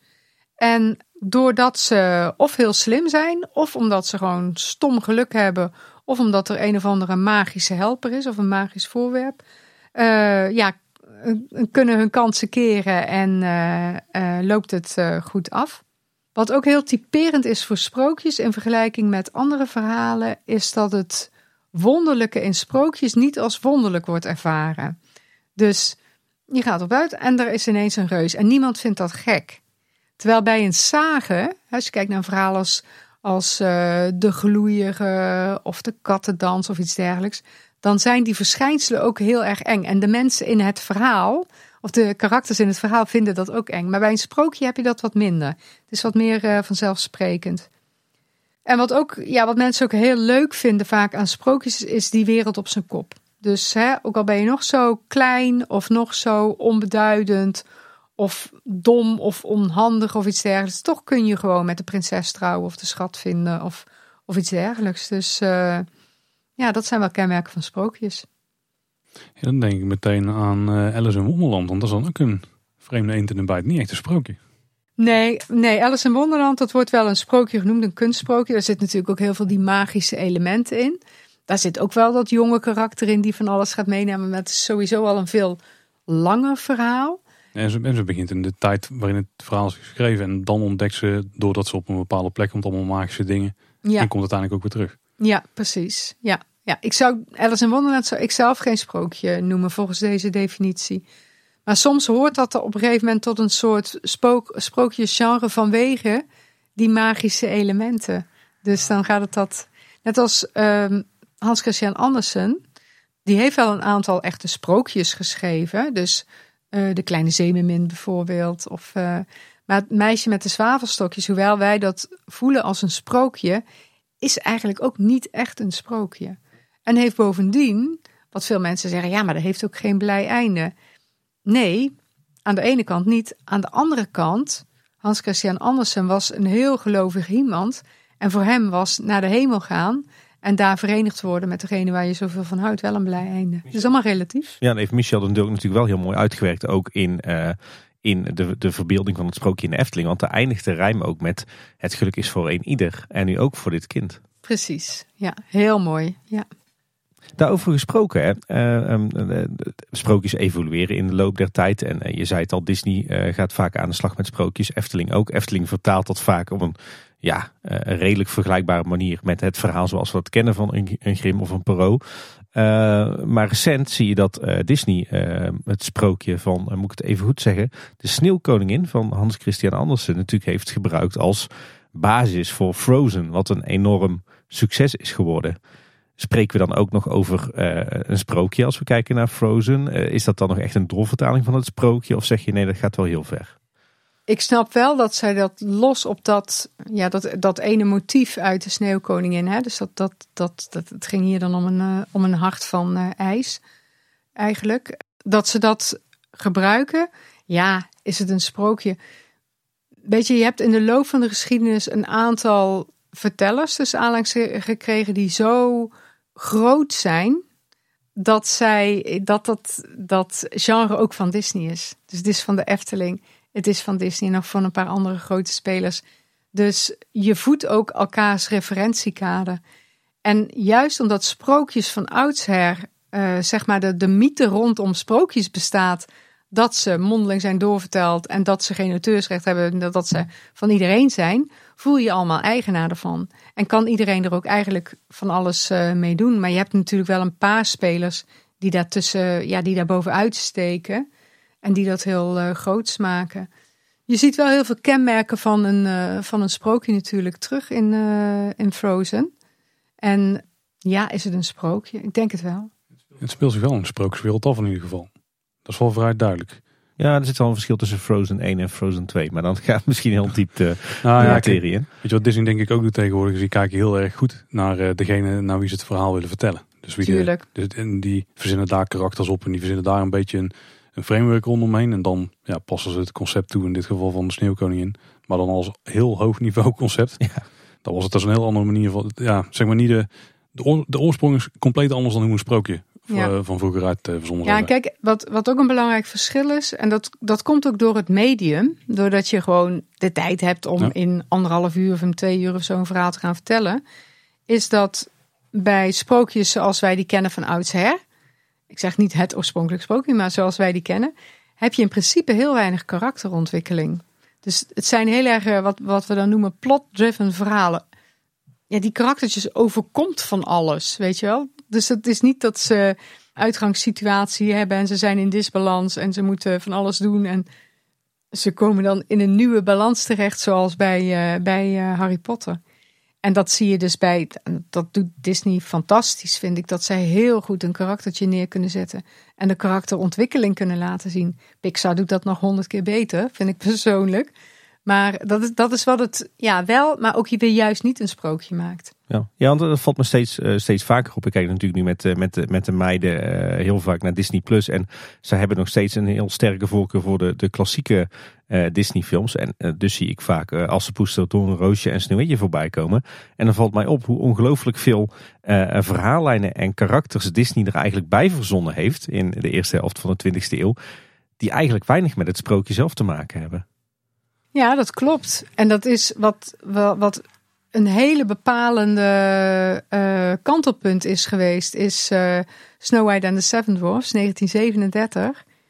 En wat Disney gedaan heeft, is hij heeft die zeven dwergen een heel eigen karakter gegeven. Dus met een naam en uh, ja, een bepaalde rol die ze voerden. Dus echt het karakter heel erg uitgewerkt. En dat heb je van oudsher in sprookjes ook niet. Die zeven dwergen die waren eigenlijk heel anoniem. Dat waren er zeven, maar voor de rest je wist eigenlijk niet hoe ze eruit zaten. Ze hadden al helemaal geen naam. Dus dat, dat is van oudsher. In die sprookjes zat vaak een stukje uh, ontindividualisering. Dus Hans en Grietje, ja, dat waren destijds gewoon super, iedereen heette zo.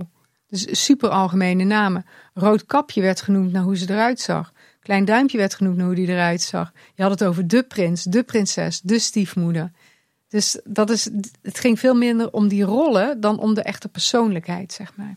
Ik denk als je die films gaat analyseren, Tim, dat je zult zien dat alle bijverzonnen karakters, zeg maar, dat die eh, meestal de komische noot in de film vormen. Ja. Ja, ja maar ik zit ook te bedenken als je bijvoorbeeld kijkt naar, naar Don een Roosje, uh, wat we natuurlijk niet terugzien uh, in de Efteling, maar wat volgens mij ook niet in de originele vertelling zit en wat wel in de Disney film zit, is dat, uh, dat Don Roosje op een gegeven moment uit het paleis gaat en dat ze een tijdje bij de Goede Veeën gaat, gaat wonen in het bos en dat ze daar allerlei avonturen beleeft en dat ze de prins al tegen het lijf loopt, terwijl, zonder dat ze daar allebei erg in hebben. Dat is volgens mij ook een hele verhaallijn die er door Disney bij ja. bedacht is. Ja, klopt. Ja. Die zit ook met de tijd natuurlijk, hè, die gevuld moet worden. Ja. Ja. nog even een prangende vraag voor mij. Naar aanleiding van iets wat je net zei, uh, Monique, over het eigenaarschap van sprookjes. Ik heb altijd gedacht, iets is of een sprookje van Grimm of een sprookje van Perrault. Maar ik begrijp uit jouw woorden dat de gebroeders Grimm dus ook een aantal sprookjes van Perrault hebben doorverteld. Hoe, hoe kunnen we nou eigenlijk bepalen wat een Perrault sprookje is en wat een Grimm sprookje is? Je vergeet je Scandinavische vriend nog, Tim. Ja, nou, dat is volgens mij wel redelijk afgekaderd. Die heeft gewoon zijn eigen verhalen en sprookjes geschreven. Maar, maar ja, die baseerde zich ook wel weer op verhalen die hij kende uit zijn kindertijd en zo. Dus die gebruikt ook wel weer fragmenten van dit en van dat. Ja. Je kunt de verschillende versies naast elkaar leggen. Van Roodkapje weten we redelijk zeker dat Perrault wel een soort van eerste verteller was. Dus er zijn niet heel veel sporen terug van hoe dat mondeling al verteld werd. Maar het probleem met die mondelinge traditie is ook een beetje dat je het zo moeilijk kunt traceren.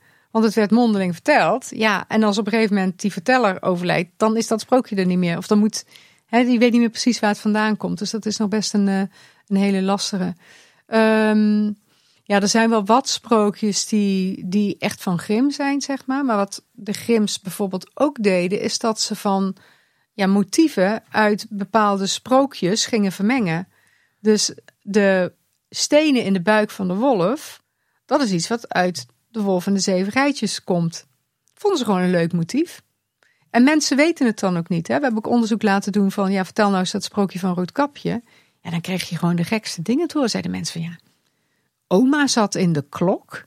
En uh, de wolf, heel veel mensen denken de wolf die verdronk in de put. Maar dat is bij de wolf en de zeven geitjes. Dus in, in het sprookje, althans de versie van uh, de Grims was het. Ja, hij stond op, had hij zin en hij viel dood neer. Dat was oh. eigenlijk het, uh, het verhaal. Ja. Dan gaat hier een wereld voor me open. Anticlimax ook wel trouwens. ja, dit is ook nog een interessante dan. Want we kennen inderdaad de drie grote uh, sprookjesschrijvers. Hè, die al meermaals hebben aangehaald. Maar ik kan me niet voorstellen dat hun de enige waren die in die tijd dat soort verhalen op hebben geschreven en gebundeld hebben. Maar om een of, een of andere reden hebben we van de anderen nooit wel gehoord tot er mogelijk honderden nog waren. Misschien, nou dat weet ik eerlijk gezegd. Ja, je had ook Tiek. Die een, maar dat was meer een soort toneelstuk wat hij schreef. Dat ging dan met name over uh, Roodkapje. Maar voorgangers van Perrault en uh, Grimm, dat waren Basile en Straparola. Italiaanse schrijvers, de een uit Venetië, de ander uit Napels, die ook van dat soort verhalen schreven, zeg maar. Dus het was wel iets wat bekend was, maar ook vanuit ja, de, de, literaire, het was natuurlijk lichte literatuur, maar vanuit de literatuur bekend was. En was er dan de reden zijn dat we met name uh, de Grims en de Andersen en dat soort mensen kennen? Dat die, dat die zo groot zijn geworden. De andere verhalen vertelt misschien niet. Die sprookjes zijn, uh, dat, dat sloeg wel heel erg aan bij de mensen. Maar ik denk ook wel omdat dat uh, de, vanwege die, die boodschap en die opvoedkundige waarde, dat, dat, dat werd gewoon gewaardeerd. Dat was ook de reden dat zoiets dan op, op school makkelijk werd uh, voorgelezen. En bij de Grimms is iets wat hun echt hadden toegevoegd op de originele verhaal zoals hun ze voor het eerst hadden gehoord. Ja, precies. Ze gingen dat, dat stukje gingen ze wel wat versterken in die latere edities. Uh, sprookjes zijn ook al heel vroeg vertaald. De sprookjes van Grimm ook, maar van oh, Perrault ja, ook. Ja. Hebben toen ook een weg gevonden met de emigranten naar Amerika, naar het Amerikaanse gebied. En sprookjes werden ook al heel vroeg van afbeeldingen en van illustraties uh, voorzien. Dat was ook iets nieuws. Dus je had in ja, eind 1800 had je de centsprenten. Dat waren eigenlijk was een soort voorloper van een stripverhaal. Dus je moet je voorstellen, was een blad en daar stonden dan alle scènes uit een bepaald sprookje, stond dan zo uitgetekend.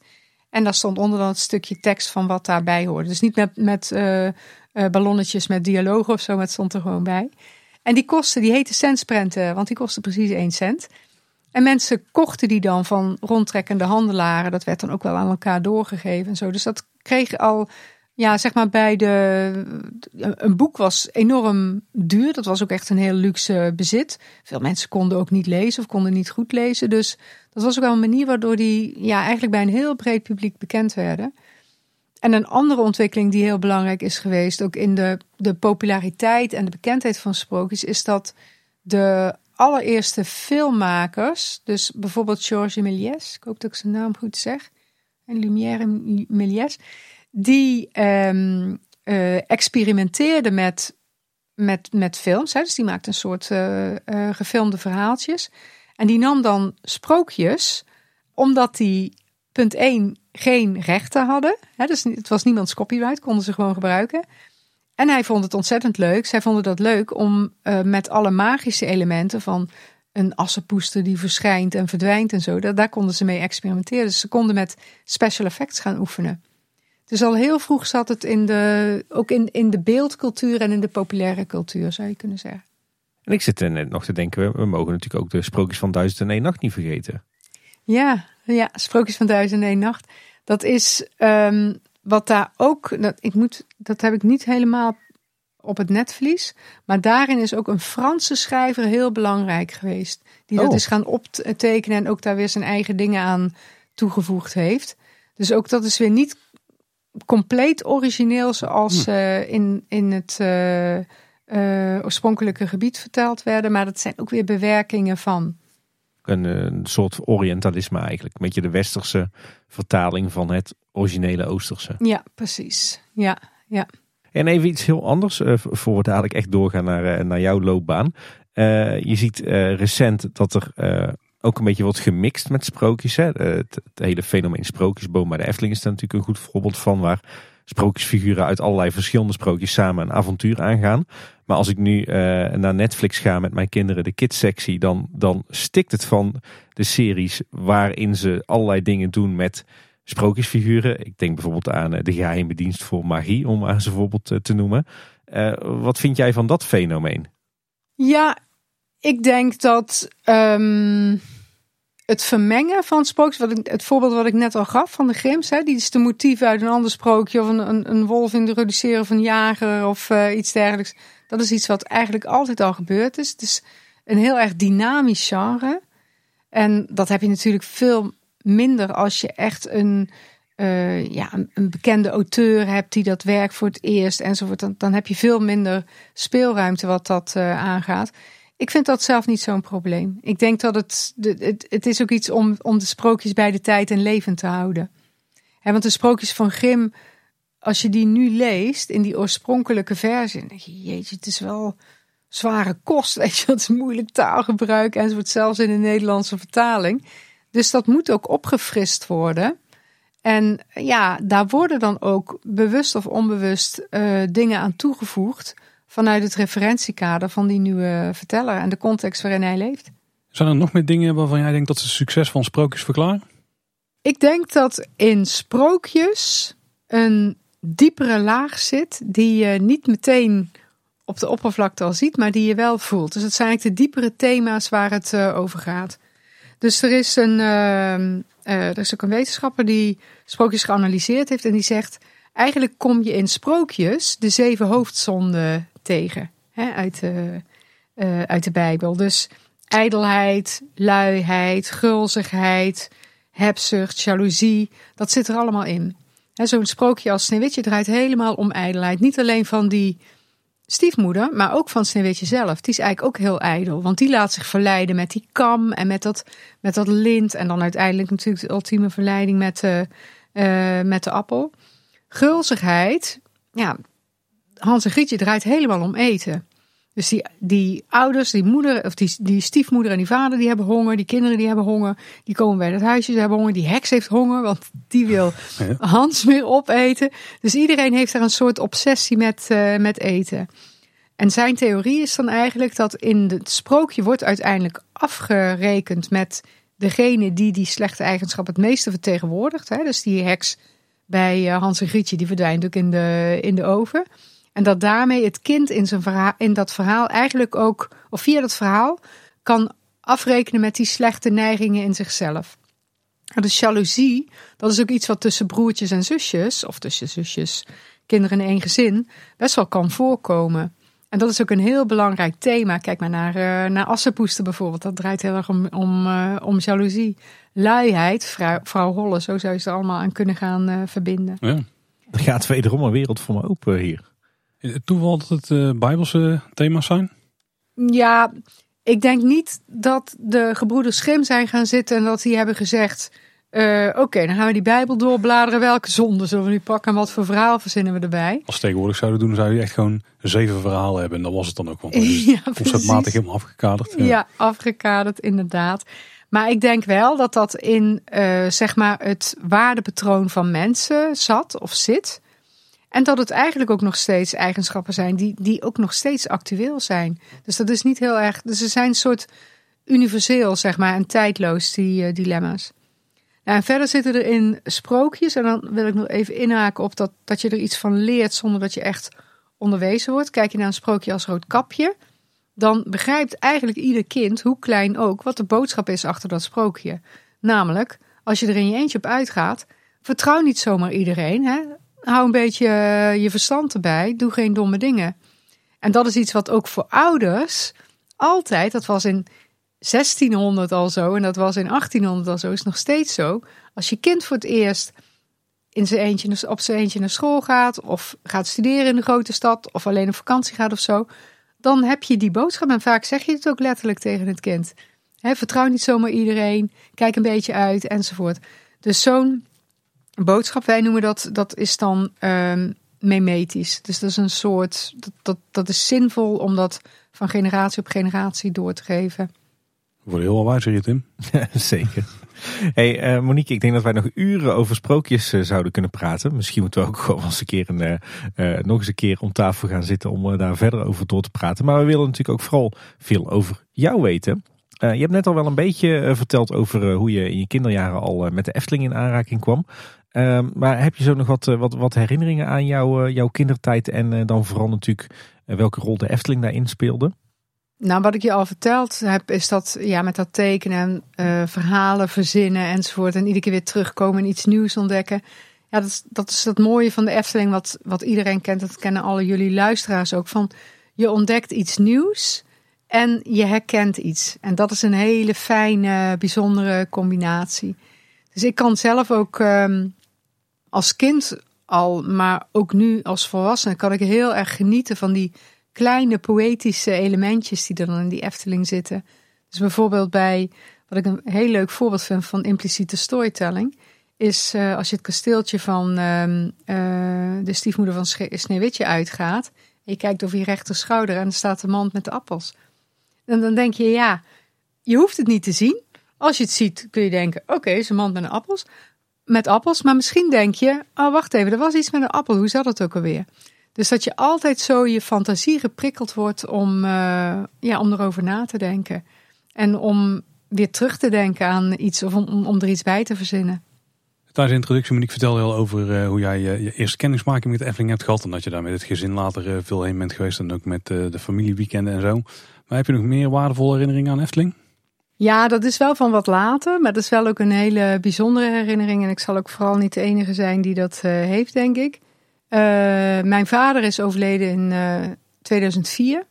Eind 2004 in december. En wij gingen toen, we gingen jaarlijks eigenlijk met, met de familie, met al die met mijn broer, zussen, kinderen enzovoort, opa, oma, naar de huisjes noemden we dat, in de Kempen, vakantiepark. En de maandag daarna melden wij de kinderen ziek en dan gingen we naar de Efteling. dus meestal haakte, mijn man haakte dan vaak af, want ja, was toch een Noord-Hollander, dus die gingen vast naar huis, maar daar keken we altijd heel erg naar uit. En ik weet dat we toen door het Sprookjesbos liepen en wij zagen het meisje met de zwavelstokjes aan de buitenkant. We gingen naar binnen en um, uh, eigenlijk zonder te weten welk sprookje het was, maar het werd natuurlijk heel snel uh, duidelijk. En dat was zo'n moment dat je, um, ja, dat is echt dat moment van die lach en die traan. Dus zeker dat laatste moment dat we daar voor het eerst waren, dat mijn vader er niet meer bij was, had natuurlijk iedereen tranen in zijn ogen. Maar uh, met Franka, met mijn zusje Franka, moesten we ook wel lachen. Want wij herinnerden ons dat wij vroeger ook altijd van die van die grammofoonplaatjes hadden. En dan zo'n draagbaar uh, pick-upje waar je ze op kon spelen.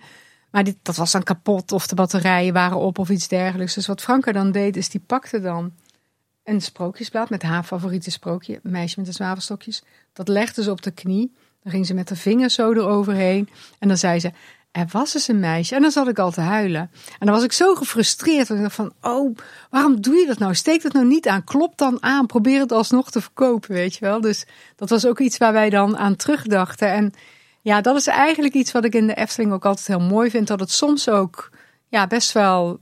Het, raakt je emotioneel. Dat kan op een leuke manier. Maar dat mag soms ook best wel op een hele diepe en uh, even verdrietige manier. Dus uh, ja. En je zou zeggen, Monique, jij bent uh, in de wieg gelegd voor een studie rond verhalen, rond sprookjes. Maar je, je, je, je hint er net al een beetje naar. Jij bent Italiaans gaan studeren of Italiaanse literatuur. Waar kwam dat eigenlijk vandaan?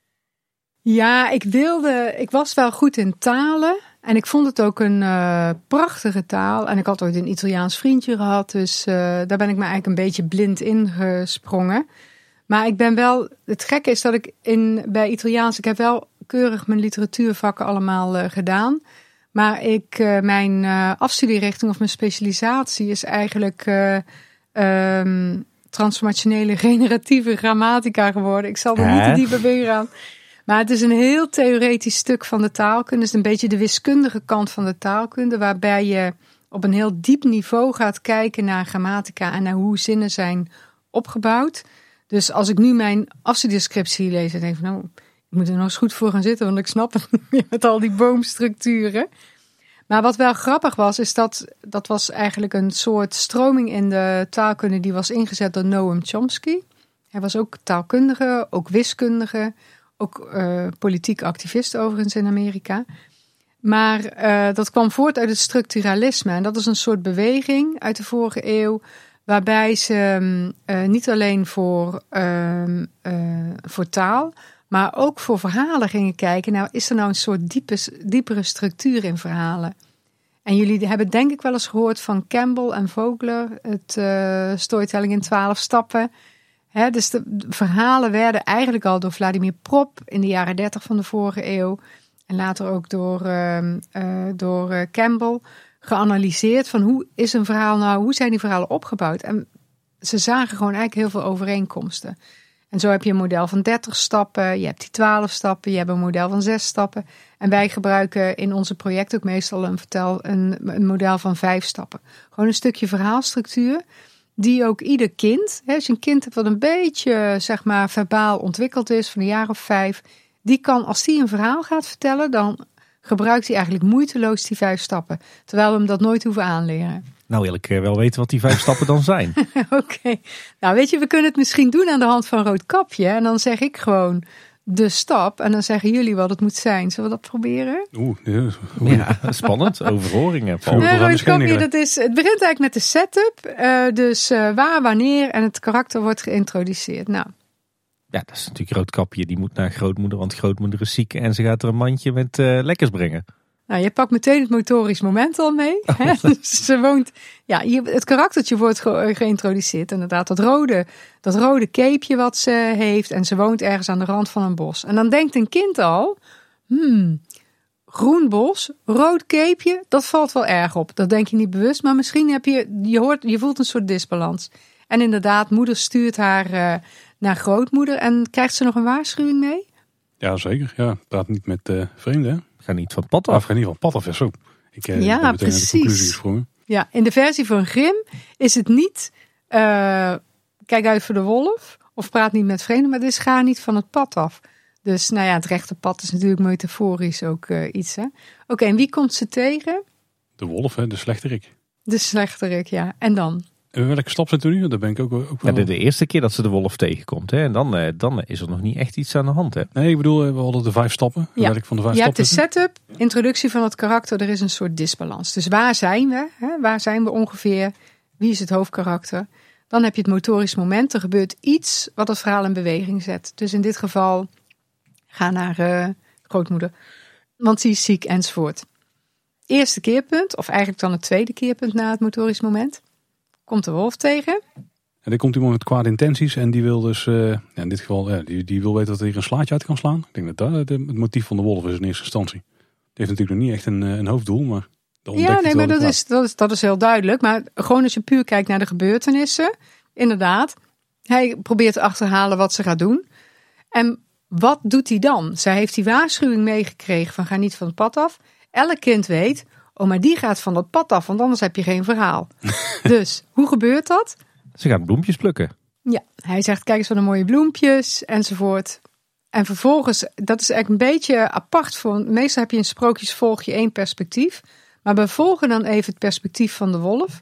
En we laten Roodkapje even voor wat het is. Want wat doet de wolf? Volgend keerpunt.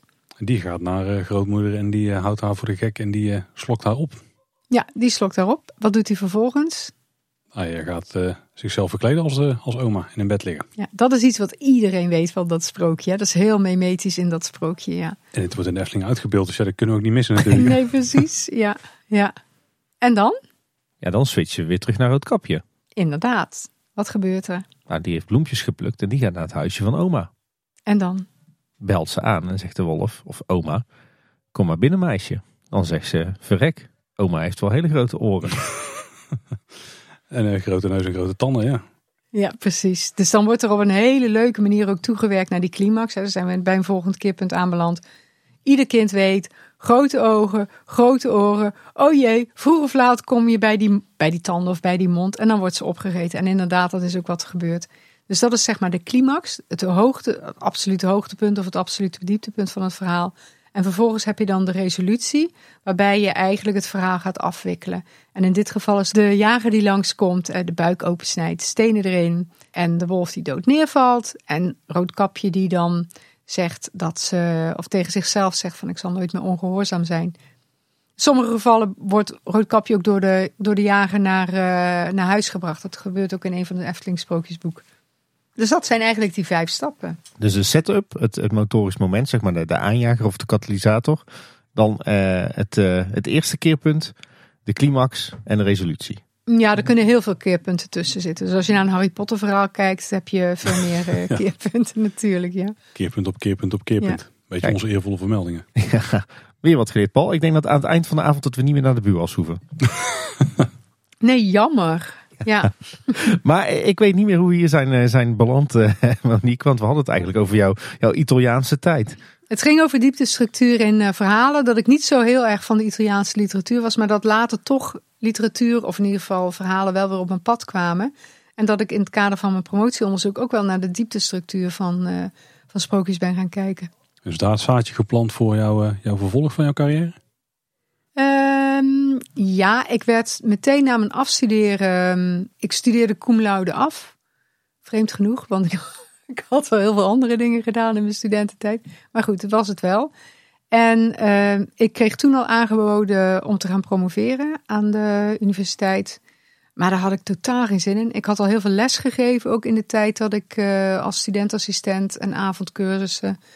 En ik had als gids gewerkt voor Italiaanse bejaarden met name. Was erg leuk door uh, Nederland. Want jij sprak denk ik vloeiend uh, Italiaans. Spreek je nog steeds vloeiend Italiaans? Ja, ik heb ook een jaar in Rome gewoond. Het is niet meer zo vloeiend als het was, moet ik zeggen. Ik heb inmiddels een Italiaanse schoondochter, dus daar probeer ik, ja, daar praat ik half Engels en soms wat Italiaans mee. Dus, maar uh, nee, ik spreek wel Italiaans. Ik ben toen uh, eerst gaan lesgeven, dus als toegevoegd docent uh, aan de universiteit. En in het tweede jaar daarvan kwam ik een vacature tegen. Ik was eigenlijk te laat voor de NRTV. Die kende ik ook, uh, die, die hogeschool. En omdat ik wel affiniteit had met toerisme en met werk en toerisme, had, heb ik gesolliciteerd. En toen heb ik het nog gecombineerd en vervolgens ja, al die tijd bij NRTV gebleven. Dus en elk jaar of elke zoveel jaar iets anders gedaan. Dus het voelt eigenlijk alsof ik heel veel werkgevers heb gehad. Dat was wel heel leuk. Ja, want je kwam dus eh, binnen bij de NATV vanwege jouw kennis van het Italiaans. Maar hoe heeft jouw rol zich binnen de NATV in de loop der tijd dan ontwikkeld? Ik ben in het Propenduizenteam terechtgekomen, het projectonderwijs. Daar ben ik uh, me gaan bijspijkeren, zeg maar. Ik ben bijgespijkerd uh, ook in, in onderzoek. Daar had ik natuurlijk niet zo heel erg veel ervaring mee vanuit mijn studie. En um, daarnaast uh, heb ik me meer toegespitst zeg maar, op uh, marketing communicatie met name. Kwalitatief onderzoek, uh, coaching, dat soort dingen allemaal gedaan. vervolgens ben ik terechtgekomen in een curriculumcommissie. Dat was ergens tussen 2000 en 2003. Want toen maakten wij de overgang naar het competentiegericht onderzoek.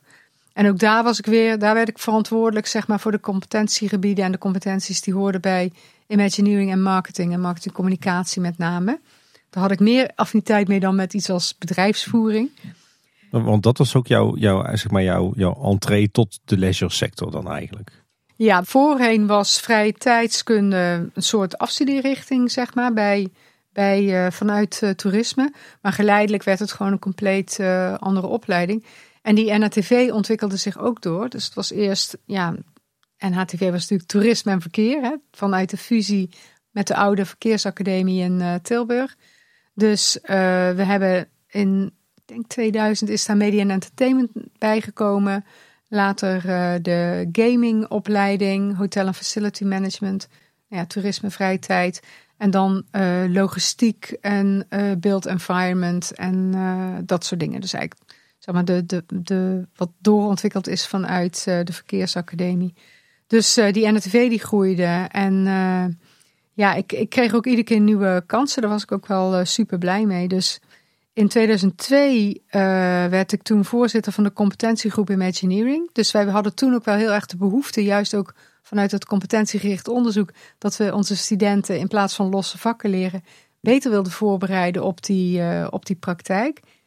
En uh, dat was wel heel leuk, want we hadden toen een werkvatcommissie. En daar zaten Lex Lemmens en Reinhard van Assendelft ook in. Ja, Kijk, twee, vrienden, ja, twee vrienden van de show. Zeker eh. vrienden van de show, ja. En Lex heeft ook, uh, ja, Reinhard gaf natuurlijk ook altijd al uh, gastcolleges, fantastisch. Maar Lex heeft dat ook gedaan, met name toen hij bij BRC zat al. ik heb de podcast of het interview met hem geluisterd, ook heel leuk. En daar zaten Joost en Jaap ten Bleker in de zaal de broertjes. Ik heb Joost begeleid bij zijn afstuderen en later Jaap ook. En ik weet nog wel dat de moeder van Jaap toen volgens mij naar mij toe kwam van... Uh, ja, ik ben de moeder van Jaap. En toen zei ik, oh, dat is toevallig, ik ook. Want ze voelde me ook wel een beetje. Dus dat was erg leuk. Op Jaap heb ik echt een soort, hebben we een soort compleet vraaggestuurd traject moeten loslaten. Want die paste in geen enkele, ja, iets wat wij gingen, geen enkel voorgeprogrammeerd uh, iets.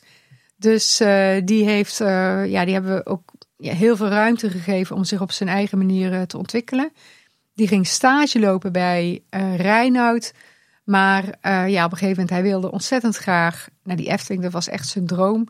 Ik zal nooit vergeten dat Jaap mij dan vertelde over die Efteling. Hij zei, als ik een, vroeger, als, ik dan, als het winter was, dan was ik als kind een soort depressief. En dan zat ik op mijn zolderkamer en dan had ik de plattegrond van de Efteling. En dan ging ik met mijn vinger eroverheen en dan beleefde ik alles in mijn, in mijn hoofd, zeg maar. Dat vond ik zo mooi en zo ontroerend. En Reinoud is toen ook heel grootmoedig geweest, want hij had een fantastische stagiaire aan hem. Maar die zag ook wel van Jaap kan zich hier niet zo ontwikkelen zoals hij zou willen of waar hij aan toe is. En Reinoud heeft toen gezorgd dat uh, Jaap ja, mocht solliciteren voor een stage bij Olaf, rechtstreeks, bij Olaf Vugts. En Olaf die heeft dat goed gevonden dat hij bij de Efteling kwam. En daar heeft hij ook uh, fantastische dingen gedaan. En hij is daar met een tien afgestudeerd. En Oh. dat was eigenlijk het jaar dat ik zowel Jaap begeleidde bij de Efteling met zijn afstuderen. Als Marjolein Mens, die kwam van de UVT. Want ik was inmiddels ook, werd ik ingezet. Dus ja, werden wij een soort gedetacheerd ook naar de UVT om afstudeerders te eh, begeleiden van vrije tijdswetenschappen. Ik deed met name kwalitatieve onderzoeken.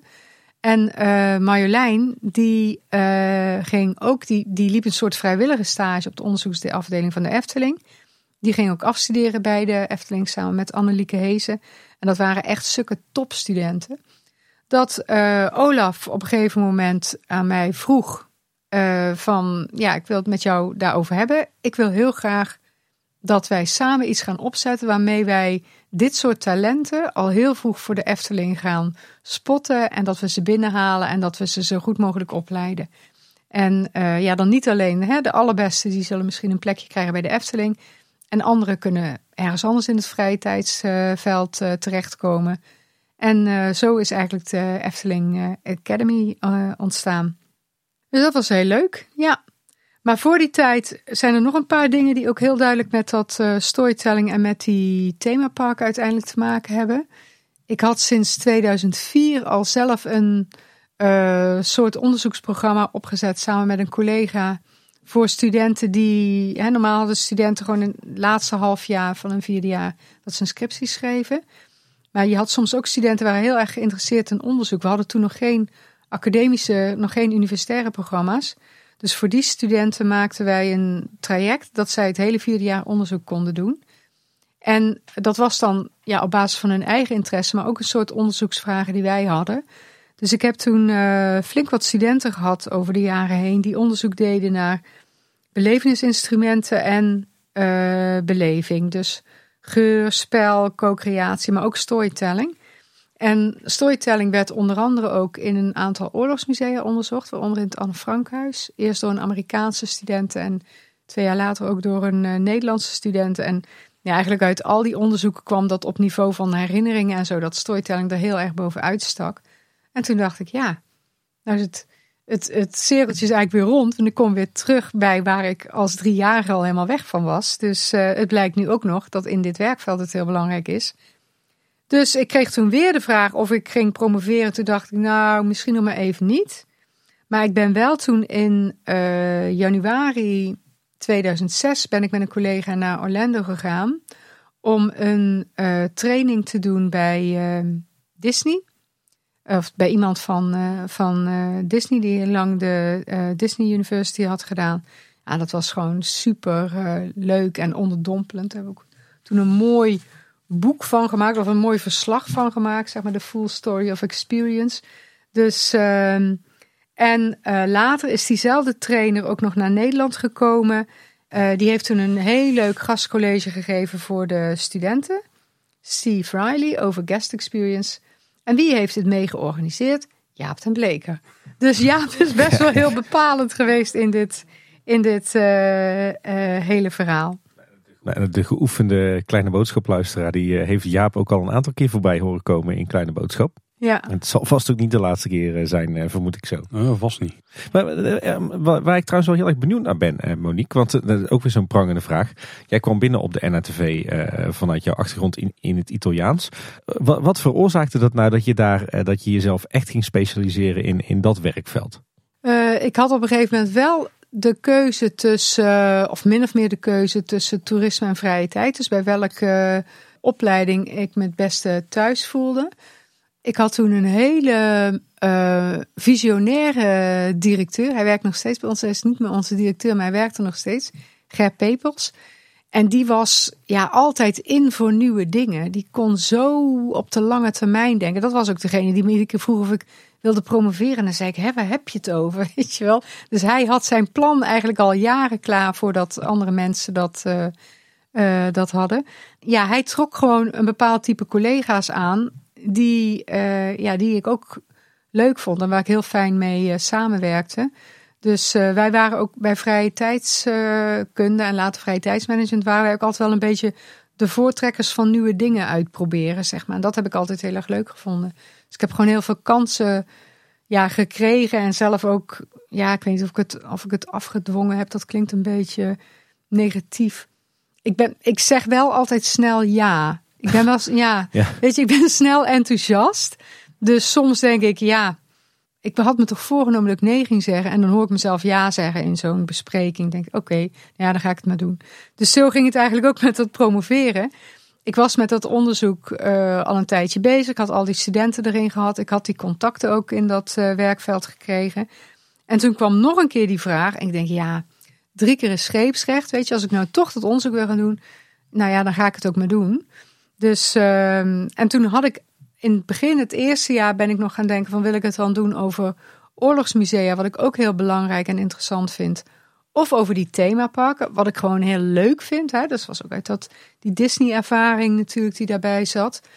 En ehm, toen dacht ik, nou ja, als er dan toch iets is en ik moet op zaterdagavond op een feestje vertellen hoe het met mijn onderzoek gaat, dan denk ik dat mensen het ook wel leuker vinden als het over de Efteling gaat dan over uh. Ik moet er wel vier, vijf jaar mee bezig zijn, dus het moet wel een beetje leuk zijn. Dus uh, zodoende ben ik daarin terechtgekomen. Toen kwam samen met de vraag over de Efteling, de vraag over de Efteling Academy, de vraag of ik um, uh, het promotieonderzoek op hun wilde toepassen, op, op de Efteling wilde toepassen. Ja, dat was natuurlijk, uh, dat vond ik fantastisch. Daar, kwam, daar kwamen heel veel dingen bij elkaar. Dus daar heb ik eigenlijk zonder nadenken ook meteen ja tegen gezegd. Hey Monique, ik ben erg benieuwd naar jouw, jouw promotieonderzoek. Daar gaan we het dadelijk over hebben. Maar voordat het zover is, zit ik toch nog wel met een vraag. Uh, jij hebt natuurlijk, ja, jij geeft inmiddels al een heel aardig aantal jaar les op de NHTV en tegenwoordig die BUAS. Maar wat leer je nou eigenlijk op, uh, op de NHTV en tegenwoordig de BUAS? Ja, dat is altijd een beetje raar. Dus als je zegt vrije tijdsmanagement, is altijd een beetje een grap als bij een diploma-uitreiking. Hè? Wat, wat leer je dan? Leer je dan vrije tijd? Nee. Waar het eigenlijk om gaat, is dat wij studenten leren om te onderzoeken, of in ieder geval om te begrijpen wat er gebeurt in de vrije tijd. Wat dat met mensen doet. Uh, wat van invloed is op een beleving. Hoe je jezelf, dus ook als, als uh, producent of als manager of als uh, ontwikkelaar, die beleving kunt beïnvloeden. hoe je dat kunt initiëren, vrije tijd, hoe je het kunt organiseren. Hoe je het kunt vermarkten en hoe je het op, ook op een hoger plan kunt tillen. Dus tegenwoordig is er ook heel veel aandacht voor uh, ja, de link naar well-being of naar community building of iets dergelijks. Dus wat, wat, wat grotere maatschappelijke doelen van vrije tijd. Nou, ik vind altijd bij eerstejaars studenten heb ik altijd heel erg voor ogen uh, gehad. En mijn collega's hebben dat nu ook. Ik, ik zie niet veel eerstejaars meer op het moment, moet ik zeggen, helaas. Maar goed. Uh, is dat het heel belangrijk is dat ze in het eerste jaar die shift maken van uh, wat vind je zelf leuk als consument. Dat je de omslag gaat maken in je denken ook naar uh, de professional of de jonge professional. Dus wat vinden anderen leuk? Ja. En daarvoor heb je uh, ja, niet alleen analyse nodig, maar heb je juist ook een heleboel inlevingsvermogen nodig. Empathie, creativiteit, gevoel enzovoort. Of het nou om opa's en oma's gaat of om kleine kinderen. En als ze het helemaal goed doen, dan kunnen studenten ook leren, of dat kunnen ze in zich hebben van wat mensen leuk gaan vinden. Dat is natuurlijk nog weer een stapje verder. Nou, en wat wij, met name dan mijn uh, rol daarin, is om studenten iets bij te brengen over uh, storytelling. Maar nogmaals, dat doen mijn collega's uh, inmiddels ook. Dus hoe je dat dan kunt onderwijzen is allereerst uh, maak je er studenten van bewust dat verhalen echt overal zijn. Dus dat je gewoon in je dagelijks leven, ook al sla je geen studieboek open of open je geen artikel op je laptop, dat je eigenlijk altijd van alles kunt leren over verhalen, gewoon door je ogen en oren open te houden. En door na te denken van waarom spreekt dit nou wel aan en waarom dit niet. Um, dus ik zeg altijd tegen studenten: je moet zoveel mogelijk verhalen zelf gaan ervaren. En ja, dan bedenken van waar ligt het nou aan dat deze serie me wel bevalt en die niet. Jij zei het net ook al over uh, Lord of the Rings bijvoorbeeld. Ja, waarom Harry Potter wel of Lord of the Rings niet? Als ik kijk naar een serie als Ozark, dan denk ik ja, ik vind dat het, zal, het is best wel een goed verhaal. En toch ben ik afgehaakt Omdat ik de casting heel slecht vind. Ik vind die karakters gewoon, ik vind die acteurs zo slecht gekozen voor die rol. Totaal ongeloofwaardig. Breaking Bad vind ik fantastisch vanwege de verhaallijn. Vervelend dat er zoveel geweld in zit. Maar ja, goed, het is wel een supergoeie verhaallijn. En het zijn geweldige acteurs en ook heel goed gekozen voor die rol. Kijk naar Harry Potter, dan vind ik de story world weer uh, helemaal geweldig. En ja, ook de karakters wel heel sterk, zeker de hoofdkarakters. Nou, voor de rest leren we studenten dan van ja, ja, kijk ook in je eigen hart en werk vanuit je eigen hart. En dat is wat ik bij de mensen in de Efteling ook altijd heb teruggezien. Dat dat, ja, die processen die zij doormaken en die creativiteit, dat, dat, dat komt zo vanuit de eigen emotie en vanuit het eigen gevoel. Dat moet je gewoon wel willen en durven. En um, ja, je kunt studenten natuurlijk ook leren van wat is een opbouw. Hè? Dus wat is een spanningsboog van de experience die ik ga ontwikkelen. Maar ook ja, mensen die naar een event of naar een themapark komen, die komen, gaan eigenlijk ook door die vijf stappen heen. Met een setup, een motorisch moment, keerpunten. Daar zit misschien wel ergens een climax en een resolutie. Dus daar moeten ze zich uh, van bewust zijn. En wat ik ook altijd wel leuk vind, dat geldt wel eens voor eerstejaarsgroepen. Die hebben dan een project gedaan voor een opdrachtgever. Dan gaan ze dat presenteren. Dan zijn ze keurig aan het presenteren. En dan zeggen ze, en dan komt nu de storytelling. Dan zeg ik, nee, dat moet je niet doen. Je moet gewoon eigenlijk beginnen met het verhaal. En dan, ja, dan zit die, op, zit die, uh, die klant die zit op het, op het puntje van zijn stoel. En je moet hem daarin meenemen. Maar je moet het niet zo aankondigen. Nee, dat is natuurlijk wel iets wat je momenteel uh, ziet. Hè. Storytelling is een beetje uh, een, een modewoord, misschien zelfs wel een must. En dan noemen we het maar zo en dan klopt het. En dan doen we aan storytelling als we het maar zo noemen. Precies, ja. Dus het moet heel authentiek zijn uh, wat je doet. Het mag best fictie zijn, maar het moet authentiek zijn. En het moet ook echt uit je hart komen. Zou, zou het dan niet beter zijn als we het gewoon verhalen vertellen noemen? In plaats van storytelling? Ja, verhalen vertellen, ja. Dus ja. ook letterlijk in het Nederlands? Ja, precies. Ja, maar door, door storytelling te, te gebruiken, maar wordt het zo'n zo'n zo'n soort van modewoord of Ja, containerbegrip. Ik, ik hoor ook al storyselling en wat heb Ja, je nog meer voor varianten? Storytelling is als je een eh, verhaal eh, geforceerd erin moet fietsen, zeg maar. Ja, precies. Ja. Ja. ja, nee, ik, dat is ook. Kijk, ik werk op een internationale hogeschool, dus vandaar dat we ook die internationale term gebruiken. Maar verhalen, ja, vertellen en, en storytelling, het heeft net een iets andere nuance. Dus als ik bij de NPO kom voor een interview, dan zeggen ze altijd: die willen niks in het Engels. Dus die zeggen altijd verhalen vertellen. Oh, bij. Nieuwsweekend, ja. Nou, trouwens, eh een vandaag heeft het wel gedaan. Moest ik ook wel een mailtje aan waren, maar die hebben het wel goed gedaan. Monique, en dan komen we wat mij betreft bij eh, ja, toch wel het, hetgeen waar ik het meest benieuwd naar ben. Ik ken jouw naam namelijk al wat, eh, wat langer dan vandaag. En eigenlijk gaat het, als het over Monique Hover gaat, gaat het altijd over jouw, eh, jouw promotieonderzoek. De Efteling als verteller van sprookjes. Nou, je hint er net al een paar keer op dat, dat, er, dat er heel wat op werd aangedrongen van... moet je niet eens promoveren, wil je niet eens promoveren? Nou, uiteindelijk ging je dus toch overstag in 2009. En eh, ja, ik zou bijna zeggen, neem ons eens mee in dat, eh, in dat proces. Waarom zei je überhaupt eh, uiteindelijk ja? Nou omdat ik wel ook een soort nieuwsgierigheid heb naar hoe dingen in elkaar zitten en hoe dingen werken. Omdat ik het onderwerp gewoon super fascinerend vind. Storytelling aan zich. Volgens mij heb ik daar al genoeg, dat al genoeg laten blijken. En dan die combinatie met die Efteling, waar je eigenlijk als klein kind al ooit eh, verliefd op bent geworden. Dat was, daar kwam natuurlijk alles eh, eh, bij elkaar. Maar goed, je, hebt niet zo, je bent niet zomaar. ehm, je kunt niet zomaar beginnen met een onderzoek. Dus je moet eerst eigenlijk je hele ja, je onderzoeksplan gaan maken. Je moet heel veel afwegingen maken, wat wel en wat niet. Het was voor mij wel al heel snel duidelijk dat ik het in de kwalitatieve hoek zou eh, zoeken. Dus kwantitatief onderzoek. Nou, jullie hebben vaak genoeg onderzoekers eh, aan tafel gehad. Dat gaat meer, kort gezegd, over de wat en hoeveel vraag. Dan heb je, werk je ook met die hypotheses en met die hele grote steekproeven. Want je wil het generaliseren naar een grotere populatie enzovoort. Terwijl kwalitatief onderzoek eerder gaat om de, de hoe en de waarom vraag. Dus eigenlijk ga je bij kwalitatief onderzoek op zoek naar zoveel mogelijk verschillende inzichten onder een zo, zo divers mogelijke populatie. En die is per definitie eigenlijk wat, wat kleiner dan ook. Dus eh, dat was wel een type onderzoek waar ik me veel meer bij, eh, uh, thuis voel. Ehm, ik ben toen gaan kijken van als ik het, zeg maar, de kant van de bezoeker, dat valt eigenlijk al af, want dat zou je eerder op een kwantitatieve manier dan willen doen. Ook, ook, ook lastig om data te verzamelen, te analyseren. Maar ja, waar de Efteling eigenlijk op dat moment ook heel erg in geïnteresseerd was, dat, dat was Olaf met name. Dus Olaf is een enorme, dat zeg ik wel eens tegen studenten.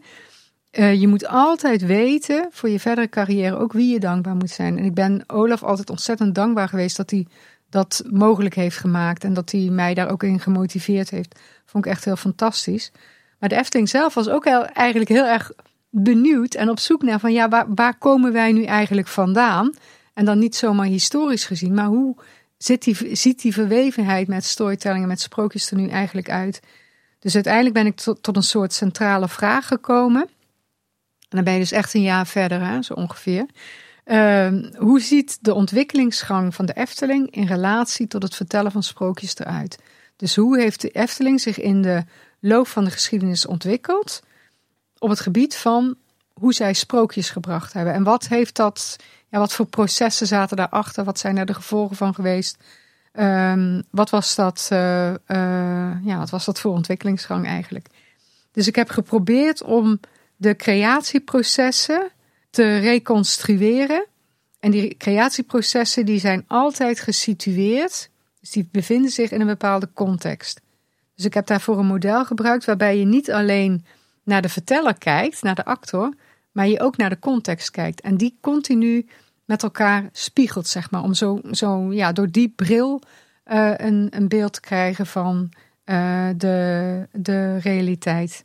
En met de creatieproces bedoel je echt hoe sprookjes uiteindelijk in de Efteling tot uitbeelding zijn gekomen. Dus wie daaraan hebben gewerkt, in welke tijd ze dat deden, wat ze tot hun beschikking hadden aan storytelling uh, technieken in principe. Ja, maar ook wat voor referentiekaders zij hadden.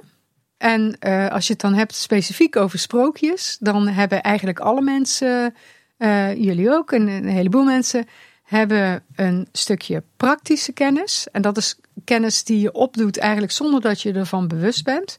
Dus dat gaat vaak via socialisatieprocessen, verhalen waar je mee opgroeit zelf. dus je weet niet precies meer wanneer heb ik nou voor het eerst een elfje gezien. Maar iedereen weet wel wat een elfje hebt. Dus een stukje, is een stukje praktische kennis.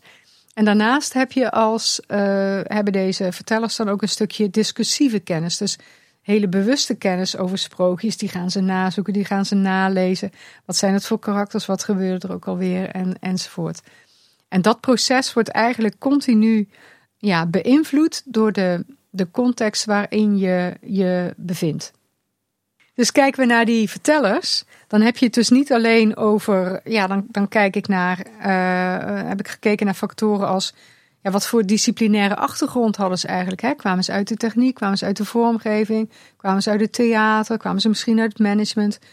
Uh, wat waren hun inspiratiebronnen?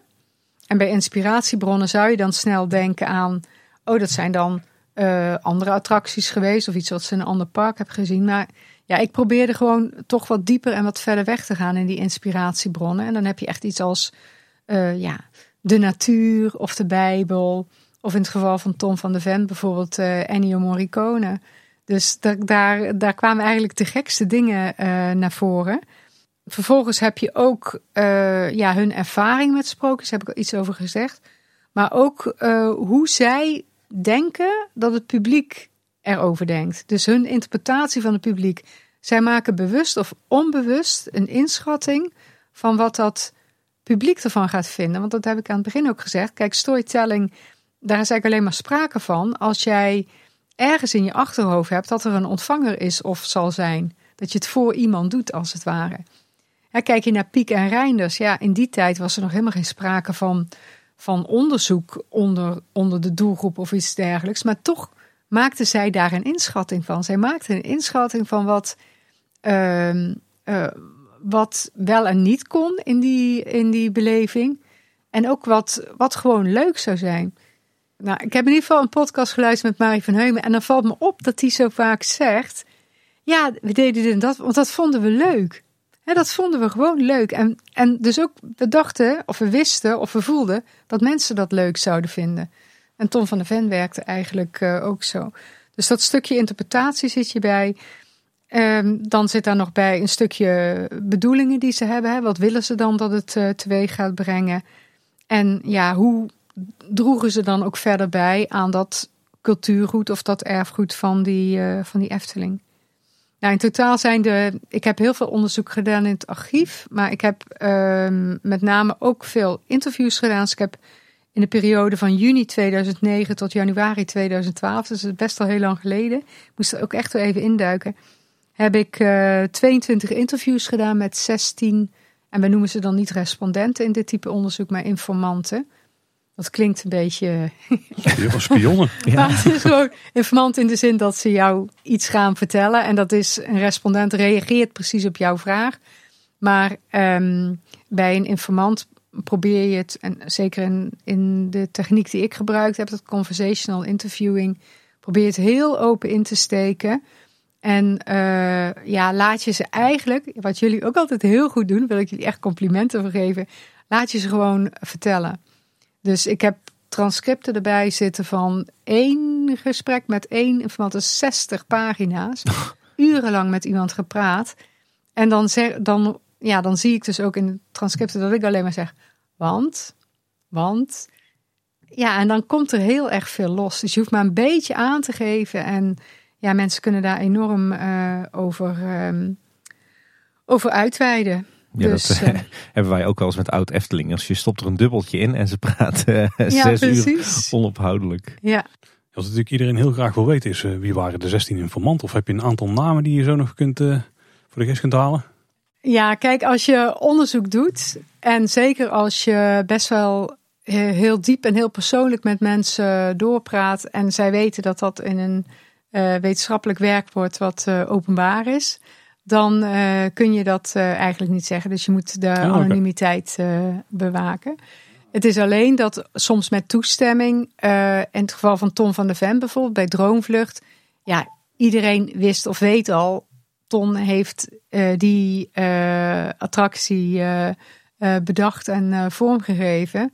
Dus die noem ik wel met naam. En de andere heb ik eigenlijk niet met naam genoemd. In sommige gevallen weten mensen, of kun je natuurlijk wel herkennen wie het is. Want in andere bronnen, en zeker ook nadat ik uh, deze interviews had afgenomen, zie dat mensen, heb ik ook wel eens interviews gelezen en dan denk ik, oh ja, hetzelfde komt terug, hartstikke leuk. En dingen die Lex gezegd heeft bij jullie, die heb ik ook wel ergens in mijn proefschrift staan. Dus je weet wel van sommigen wie het zijn. Je kunt ook wel in het voorwoord zien uh, wie ik bedank. Dus voornamen weet je wel. En, uh, maar ik heb niet in het proefschrift aangegeven van, zeker bij de laatste casus, dus bij Sprookjesboom, van dit zegt deze persoon en dit zegt deze persoon. Nee, het is gewoon een, een, een, bepaalde nummering waar ik dan van weet wie, wat bij wie hoorde. En mijn promotoren wisten dat ook. Ik, ik durf wel er geld op in te zetten dat het me gaat lukken om 10 van de 16 informanten te identificeren. Ja, wie weet. Maar dan weet je nog niet wie wat gezegd heeft. Nee, dat is waar, dat is waar. Hey, wat ik heel mooi vind, eh, Monique, is uh, je, je, hebt het over, over casussen. Je hebt natuurlijk al heel vaak rood kapje laten vallen. Droomvlucht, uh, je noemt Sprookjesboom. Dat is natuurlijk niet voor niks, want, want jouw proefschrift draait eigenlijk voor het overgrote deel rond drie casussen. Ja, dat klopt. Ja, ja. Ik heb gekeken bij die ontwikkelingsgang van, van de Efteling uh, er is zo enorm veel gedaan op het gebied van sprookjes in de Efteling. Door zo verschrikkelijk veel verschillende mensen. En dan heb ik het niet alleen over de attracties zoals we die kennen. Je hebt het ook over sprookjesboeken, sprookjesshows, musicals, van alles en nog wat. Dat, dat, dat het onmogelijk is om dat allemaal uh, te doen. Dus je moest een keuze maken. En uh, de keuze die ik gemaakt heb, heeft, is er vaak ook op gebaseerd geweest van wat uh, ja, wat, wat zijn nou goede, waar heb ik goede en goed bruikbare bronnen van? Dus wat is een beetje typerend voor een bepaalde periode? Heb ik juist een rood kapje gekozen, omdat het beroemde boekje van Bob Fem was. Kan iedereen die het op de kop kan trekken, moet je, ja, je moet het zeker aanschaffen. Het uh, uh, sprookje van de Efteling, dus wat hij schreef ter gelegenheid van het uh, tienjarige bestaan. Dat geeft ook een heel mooi tijdsbeeld. Zeg maar om die context in beeld te krijgen van die tijdruimte, maar ook de structuur. Hoe zag het Sprookjesbos er in die tijd daaruit? Hoe werd er in die tijd gedacht over beleving van kinderen? Hoe werd er gedacht over sprookjes? Wat, wat zagen zij voor functies? Dat kon je heel mooi ernaast leggen. Bovendien, uh, ja, wat ontzettend fijn is geweest en wat voor mij dus echt de aller, allermooiste attractie van de Efteling was in die tijd, dat was het archief. Ja, Ja. daar kan ik me alles bij voorstellen, ja. Er zijn er een paar aan deze kant van de tafel die daar exact hetzelfde over denken, maar die niet het geluk hebben gehad om daarin rond te snuffelen. Tenminste, Ik was ontzettend eh, ja, blij en eh, ja, voel me ook heel erg eh, vereerd dat ik in het eh, archief terecht eh, eh, kwam. En daar eh, Gerry en Aukelien leerde kennen natuurlijk. Die, die, die kennen jullie ook ongetwijfeld. Twee fantastische dames. Ik Echt kan het eh, niet geweldig. vaak genoeg zeggen. Ik heb Echt eh, geweldig, ja. in de jaren dat ik bij de Efteling gewerkt heb, zeker eh, aan de Vliegende Hollander, kwam ik er dagelijks. En ja, geweldige, geweldige dames. Ja, nog los van dat ze ontzettend aardig zijn en ook heel gezellig, zijn ze ook enorm goed in wat ze doen.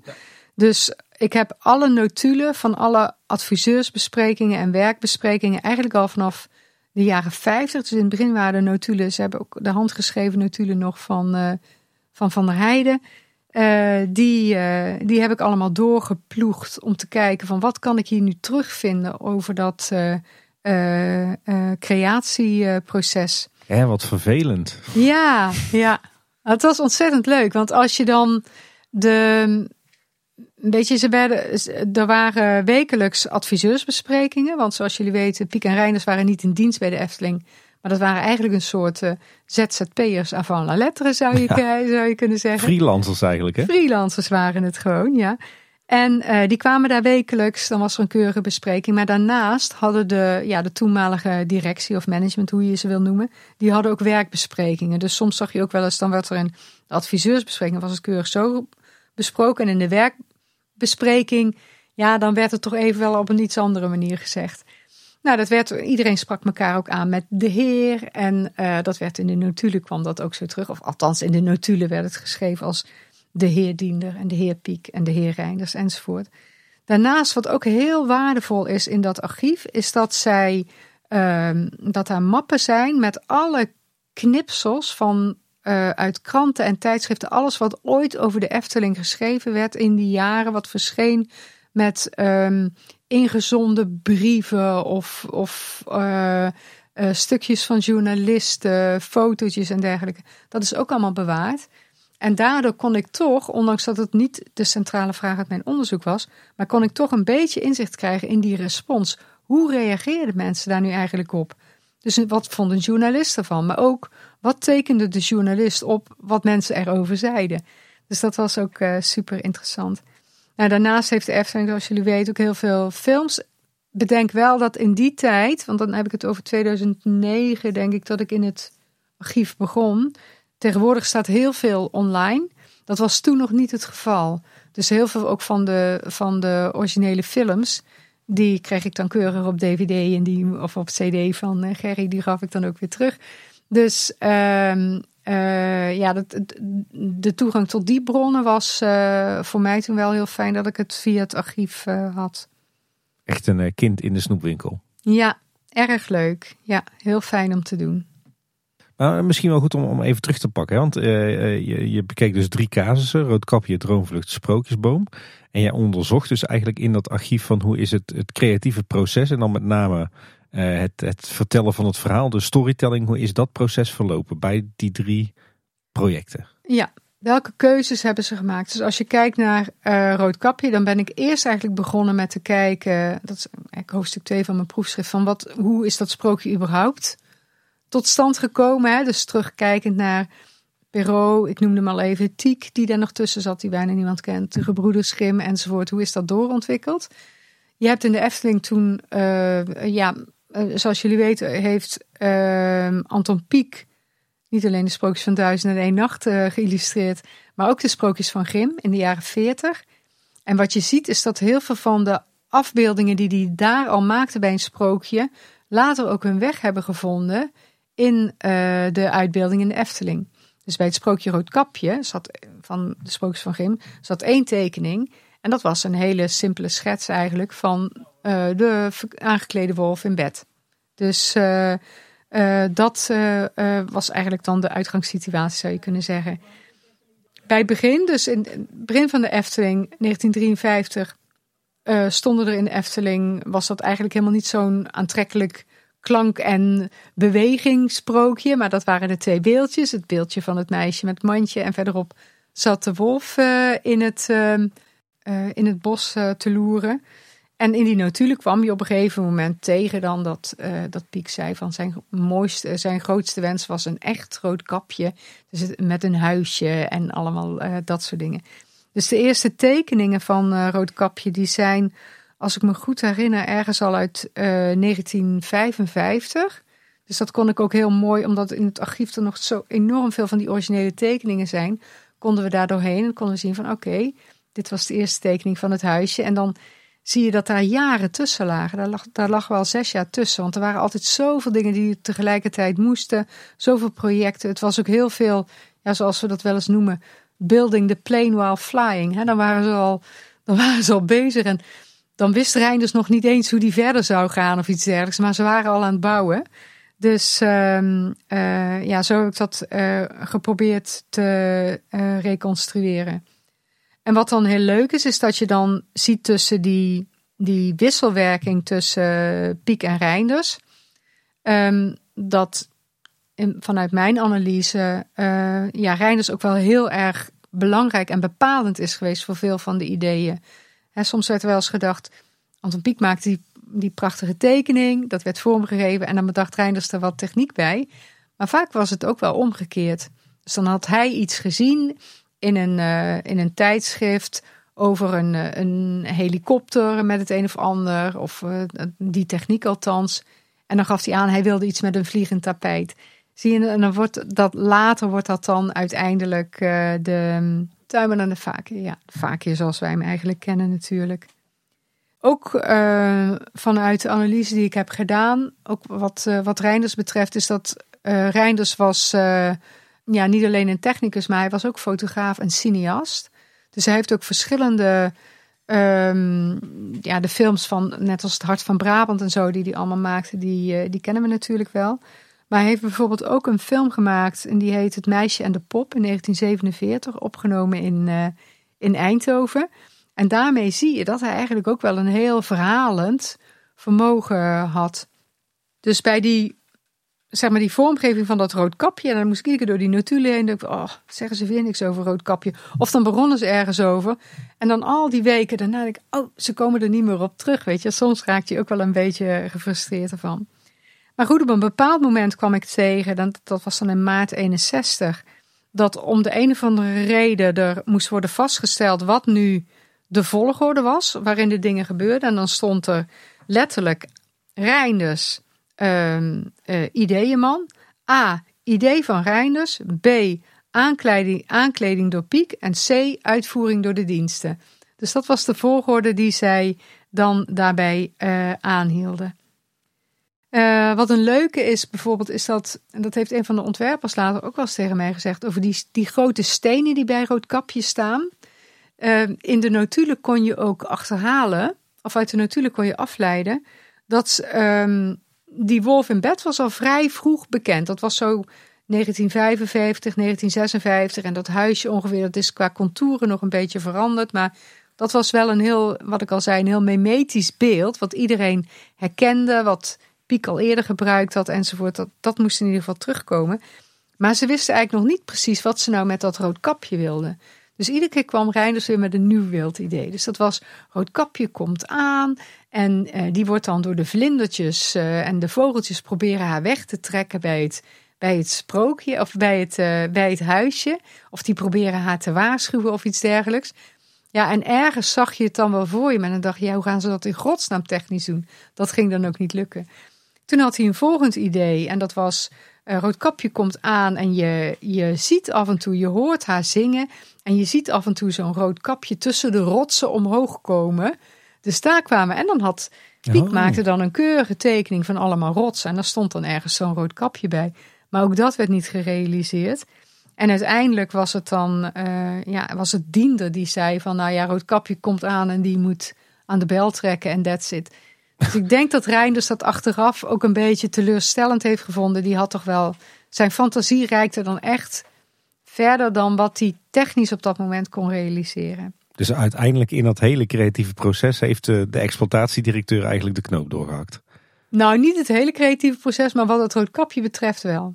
En als jullie de film uh, uh, Hart van Brabant kennen, van, van Peter Reinders, die maakte die eigenlijk, dat heb ik ook uit uh, notulen afgeleid, die maakte die ook om aan, zoals dat dan heette, directeuren van reisbureaus uit Duitsland. Die kwamen dan naar de Efteling in de periode dat het park niet open was. En Reinders wilde dan graag laten zien, of zij wilde graag laten zien hoe mooi dat park is als het wel allemaal draait en er zijn mensen enzovoort. En daarvoor maakte hij die films. Als je de film van Roodkapje ziet, die dan later ertussen gemonteerd werd, daar zit dan ook geen geluid bij, dan zie je dat er een echt meisje voor de deur staat die aanbelt.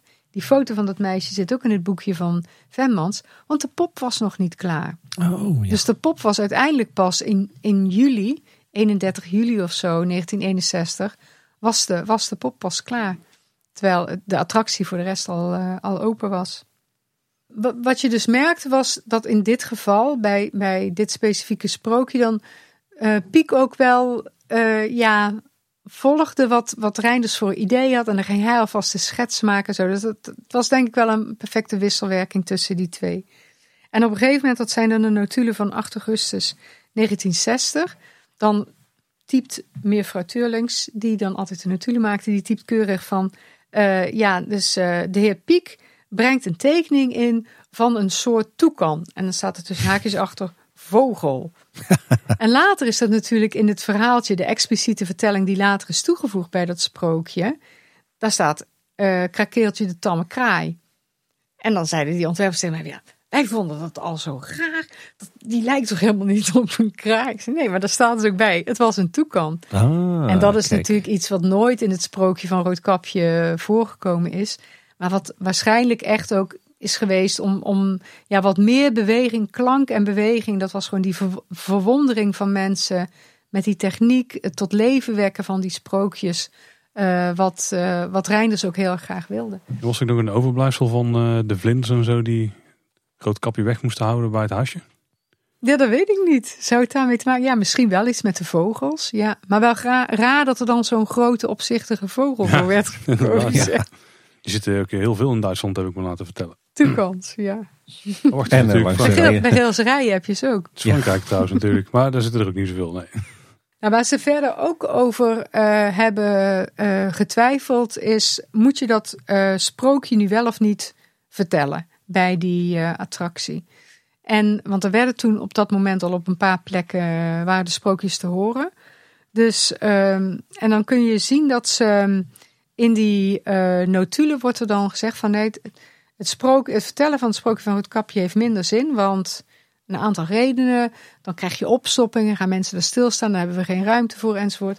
Maar ook het sprookje is te en daar hadden ze iets doorgestreept in die notulen. Dus Gerry en ik hebben echt zo tegen het licht gehouden van wat, wat staat er nu, wat staat er nu.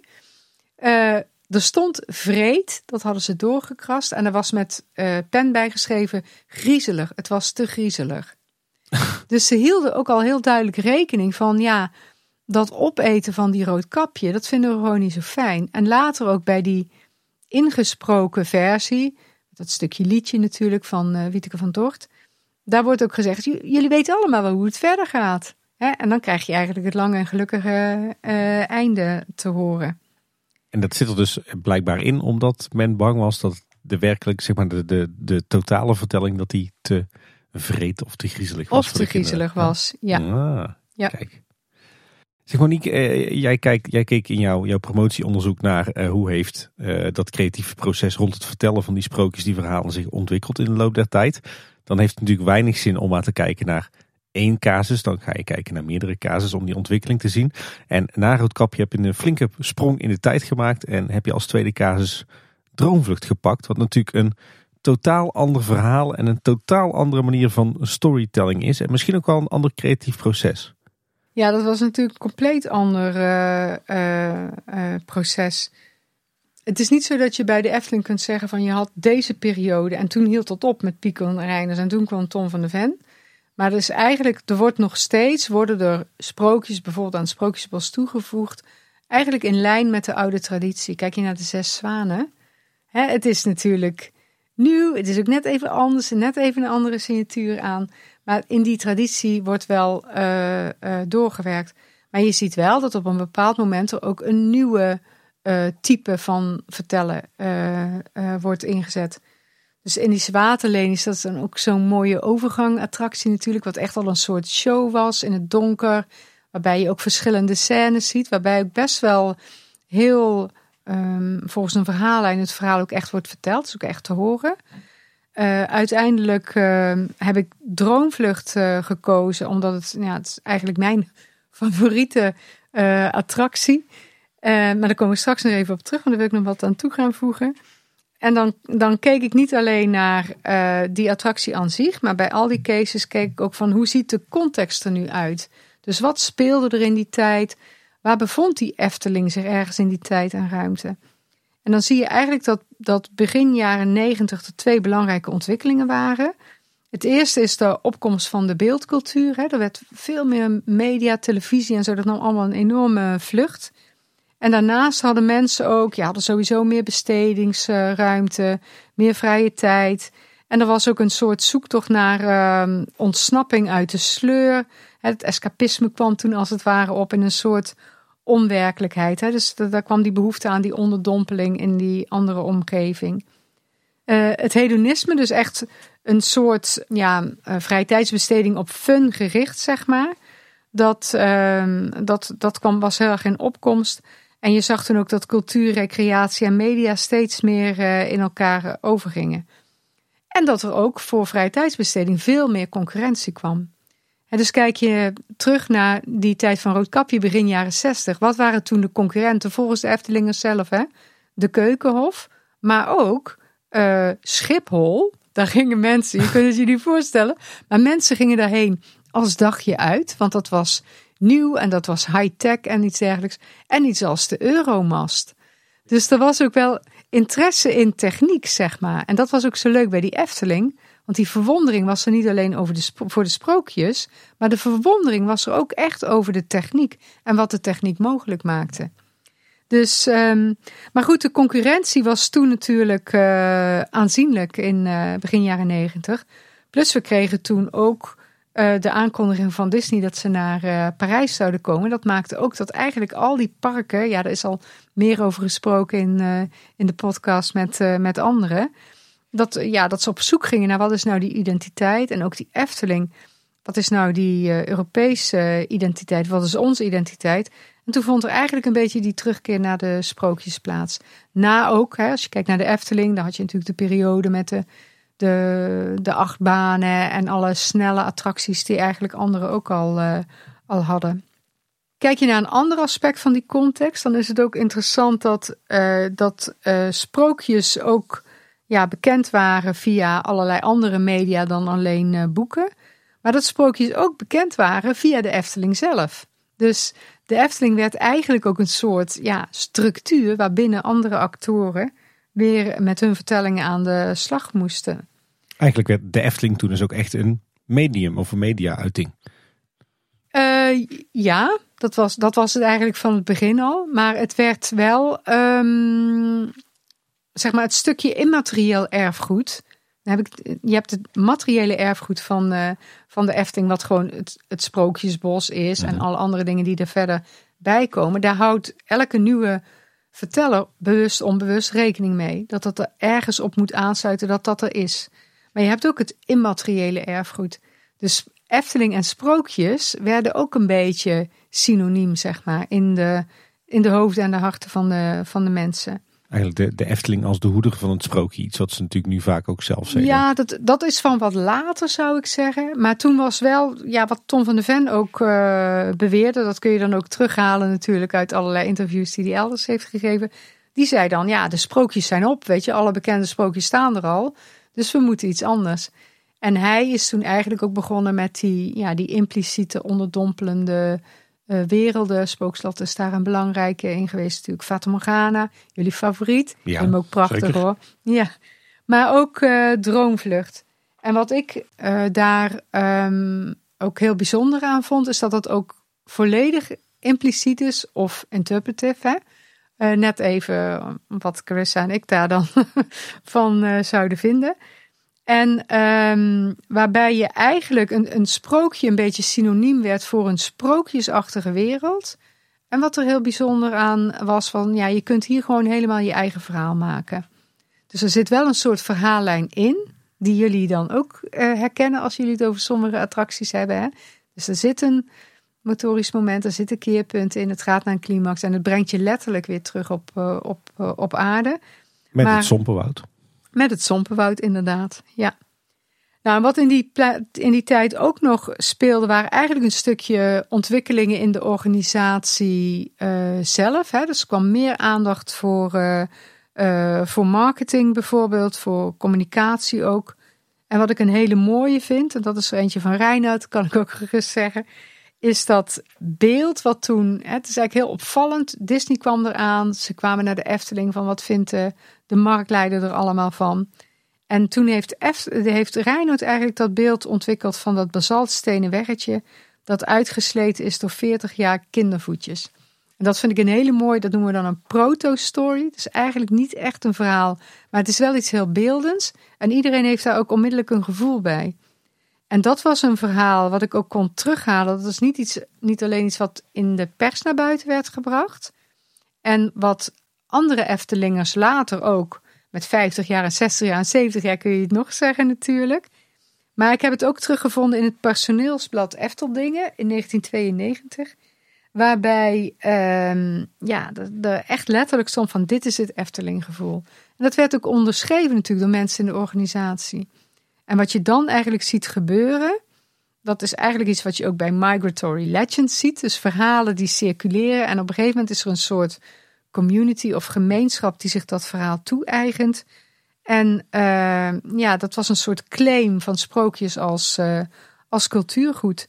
Een samenbindende, een samenbindende factor. En dan heb je ook lokaal een stukje immaterieel erfgoed wat je ook claimt. En niet alleen zeg maar het materiële erfgoed, in dit geval het kasteel van Don Roosje. Hoewel ik het heel leuk vond dat hij ook zei, ja, wat was het nou precies? Um, er is maar één sprookjeskasteel in, eh, in één echt sprookjeskasteel in Europa. En dat staat in Kaatsheuvel. En dan wisten wij allemaal welk dat was. Dus dat zijn eigenlijk die dingen waarbij je, ja, heel raar dat je zegt van, nou, wij gaan nu juist terug naar datgene wat die conculega van overzees kon brengen, sprookjes. Maar dan doen we het wel helemaal op onze eigen manier. Ja, Reinhard van Assendelft was natuurlijk ook heer en meester in het verkondigen van het Efteling-verhaal. Ja, precies. Maar ook een heel, ja, zeg maar een verhaal wat heel erg omarmd werd en wat ook heel makkelijk door anderen kon worden verder verteld. En dat, dat zag je bij de laven eigenlijk ook al. Ja, omdat Ton zei, nou ja, goed, dit is eigenlijk het verhaal, maar dat, dat anderen dat ook heel makkelijk gingen uh, vertellen. Andere Eftelingers dat heel makkelijk gingen vertellen. En dan ging iedereen zich daar ook eigenaar van voelen. Dat is eigenlijk alleen, alleen maar heel mooi. Hey Monique, je hebt natuurlijk bij uh, je onderzoek naar de casus Droomvlucht ook uh, met, met Ton gesproken. Dat heb je net wel toegegeven. Hoe was het eigenlijk om met Ton van der Ven, toch onze nummer 1 jeugdheld, Paul, denk ik wel. Hoe was het om met hem aan tafel te zitten en over zijn creaties te praten? Ja, dat was echt geweldig. Een van de mooiste ervaringen die ik in mijn onderzoek heb gehad. Hoewel ik met eigenlijk met alle, moet zeggen, ik vind alle, alle interviews vond ik heel erg bijzonder, met wie dan ook.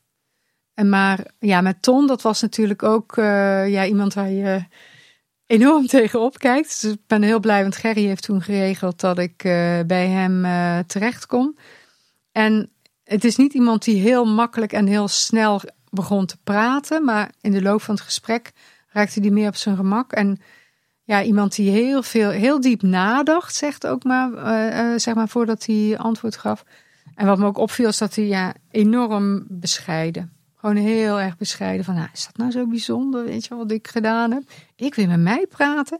Dat was een beetje wat er, uh, wat daar uh, uitkwam. Maar ik vond dat wel, ja, ontzettend mooi. En ik ben dan ook in, zeg maar, de, um, als je het hebt over inspiratiebronnen, als ik daarover door ging praten, hè, van waar komt dat nou vandaan en hoe is dat gegaan, dan, dan zie je eigenlijk, nou ja, Anton Pieck, dat kent iedereen natuurlijk als hè, de geleende hand als inspiratiebron van Ton. Maar ook uh, boeken en verhalen. Dus uh, lezen in zijn kindertijd heeft hij heel veel gedaan. eh, bij de bokkenrijders bijvoorbeeld. En hij vertelde dan ook van ja, als ik een verhaaltje lees, dan lees ik het vaak niet eens af. Op een gegeven moment heb ik gewoon, dan ben ik aan het lezen en dan krijg ik een beeld en dan teken ik het. En dan, dan ligt het er eigenlijk al. Dus ehm, dat is ook het mooie als je met die creatieve mensen praat. Die, het is voor hun zo vanzelfsprekend, want het is zo hun tweede natuur. Dat ze dat gewoon heel gek vinden als jij dat als niet beeldend creatieveling niet snapt of zo. Dus uh, dan? Is dat, is dat nou zo? Dat is toch gewoon? Dus uh, dat. Nou, de Bijbel als inspiratiebron, de natuur, dat heb ik ook van meer mensen gehoord met wie ik gesproken heb. Niet wat andere attractieparken doen um, qua design of vormgeving, maar eerder gewoon de bron daarachter. Dus meer de inspiratie rechtstreeks uit de natuur halen. Dat had Ton ook.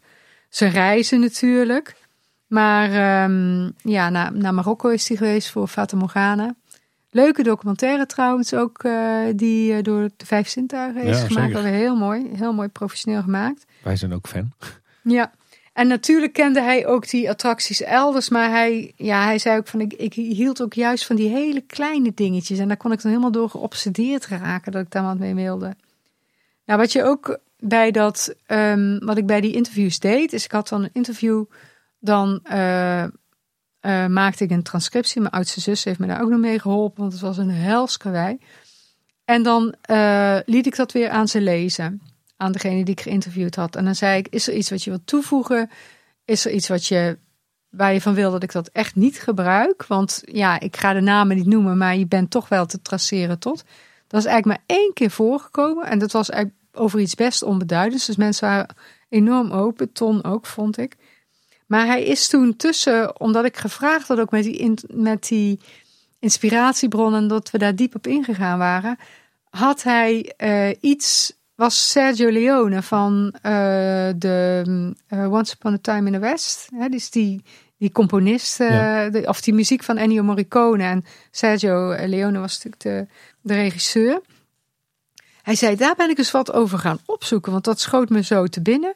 En toen kon hij eigenlijk in het tweede interview, uh, ja, ging die uitleggen hoe, hoe hij er toen pas achter kwam dat hij eigenlijk geconditioneerd of geïnspireerd was door, door Sergio Leone. Eigenlijk door, door een film, dat, of een film maken.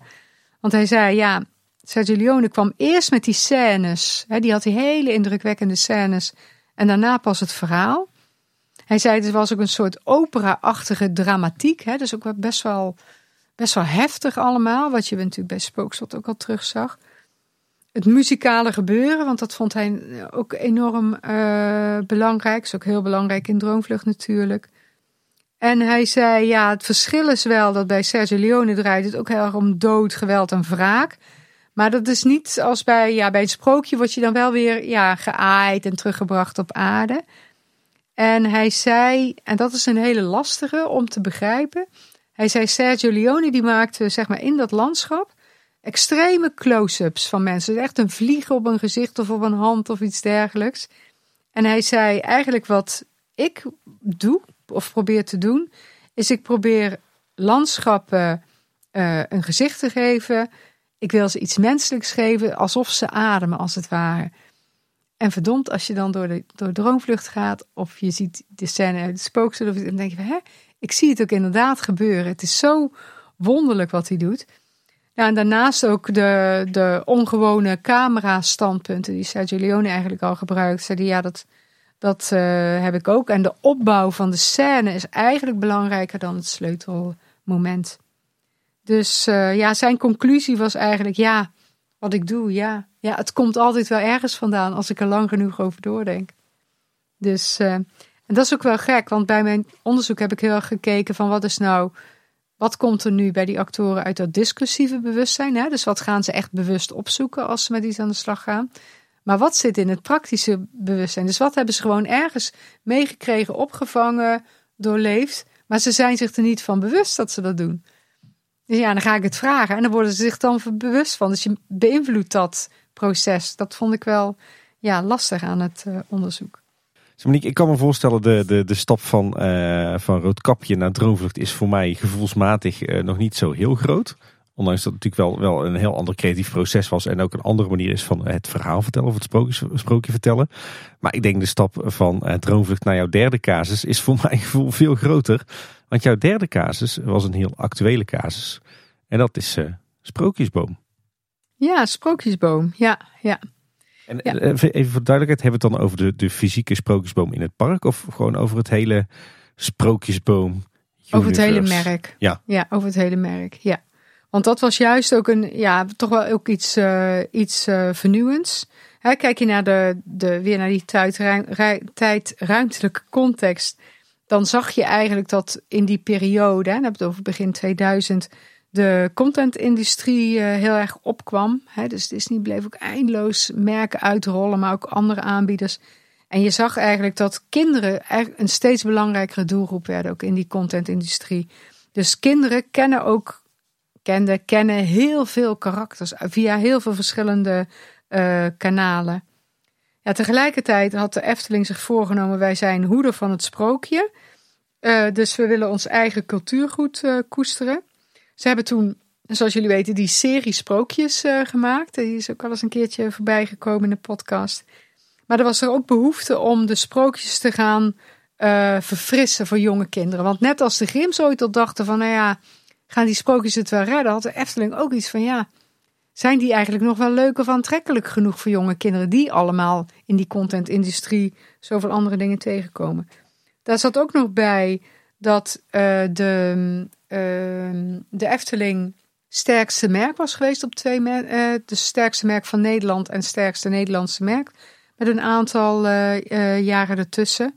Dus ja, als je merk bent, moet je je dan ook niet als een merk gaan gedragen. En moet je niet zeggen, we moeten ook iets in die multimediale wereld buiten die fysieke wereld. Dus, uh, dus aan het begin van het millennium zou je kunnen zeggen, nou de Efteling was toen inmiddels wel ook al erkend als een soort fenomeen op het gebied van sprookjes. En ja, er werd ook gekeken van als je kijkt naar die contentindustrie, zijn er ook nog nieuwe vormen van waardecreatie. Dus wat kunnen we nog meer doen om ook uh, ja, business uh, te maken natuurlijk. En wat er toen bedacht is, is uh, door Olaf, is sprookjes, dus de karakters en de verhaallijn van sprookjes als kern, maar dat je dat op een innovatieve vorm gaat doen en via nieuwe kanalen en platforms gaat verspreiden. Dus is eigenlijk begonnen buiten, zoals jullie weten, buiten de wereld van de Efteling via de animatie, animatieserie. En uh, heel gek, want dat, daar heeft die tussenstap bij gezeten van de merchandise. Die wat verfrist moet worden, die wat meer cartoony werd. Via motion capture heb je de animatieserie gekregen. Al heel snel ook in het park de handpoppen. Die ik ook ontzettend leuk vind. Dat was uh, een inspiratie ook van Olaf en, uh, en Jeroen. Die, uh, die handpoppen, die wat eigenlijk ook weer een hele oude techniek is, zeg maar. Dat is iets wat in 1800 ook had, had gekund. Dus dat past weer heel goed ook weer bij dat nostalgische van die, van die Efteling. En, en het is natuurlijk een techniek, of een theatertechniek, die tot op de dag van vandaag ontzettend populair is is enorm populair en spreekt ook heel erg aan bij, de, uh, bij volwassenen natuurlijk. Hè?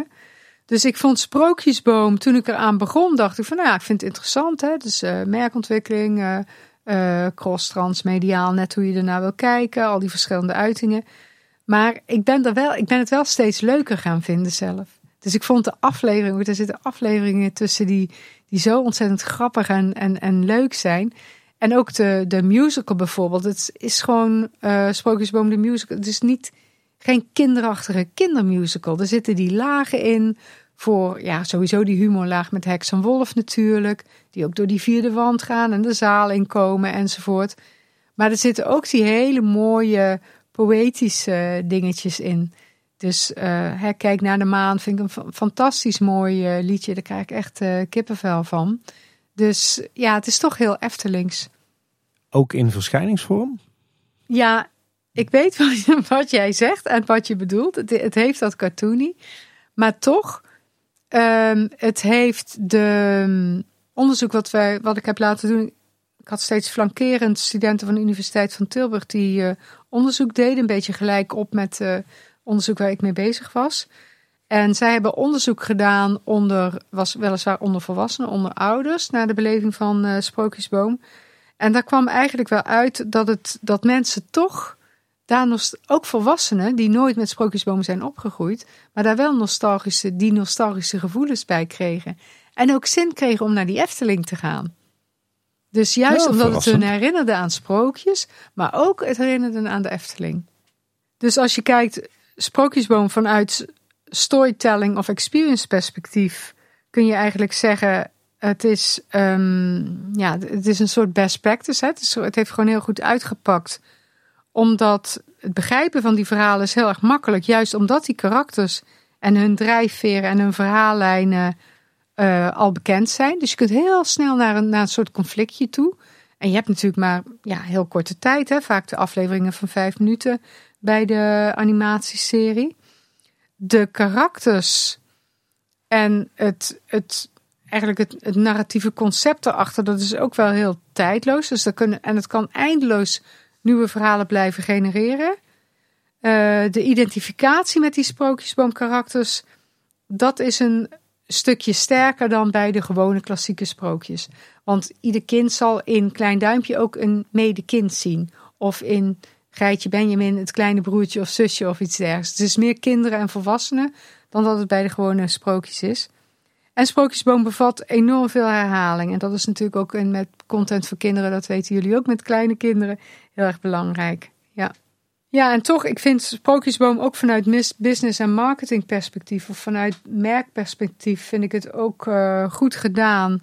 Omdat je, ja, het staat, sprookjes staan wel voor authenticiteit, nostalgie. En ook, en dat is iets wat een van die respondenten, dus iemand van buiten de Efteling, die ook Sprookjesboom dingen heeft gedaan.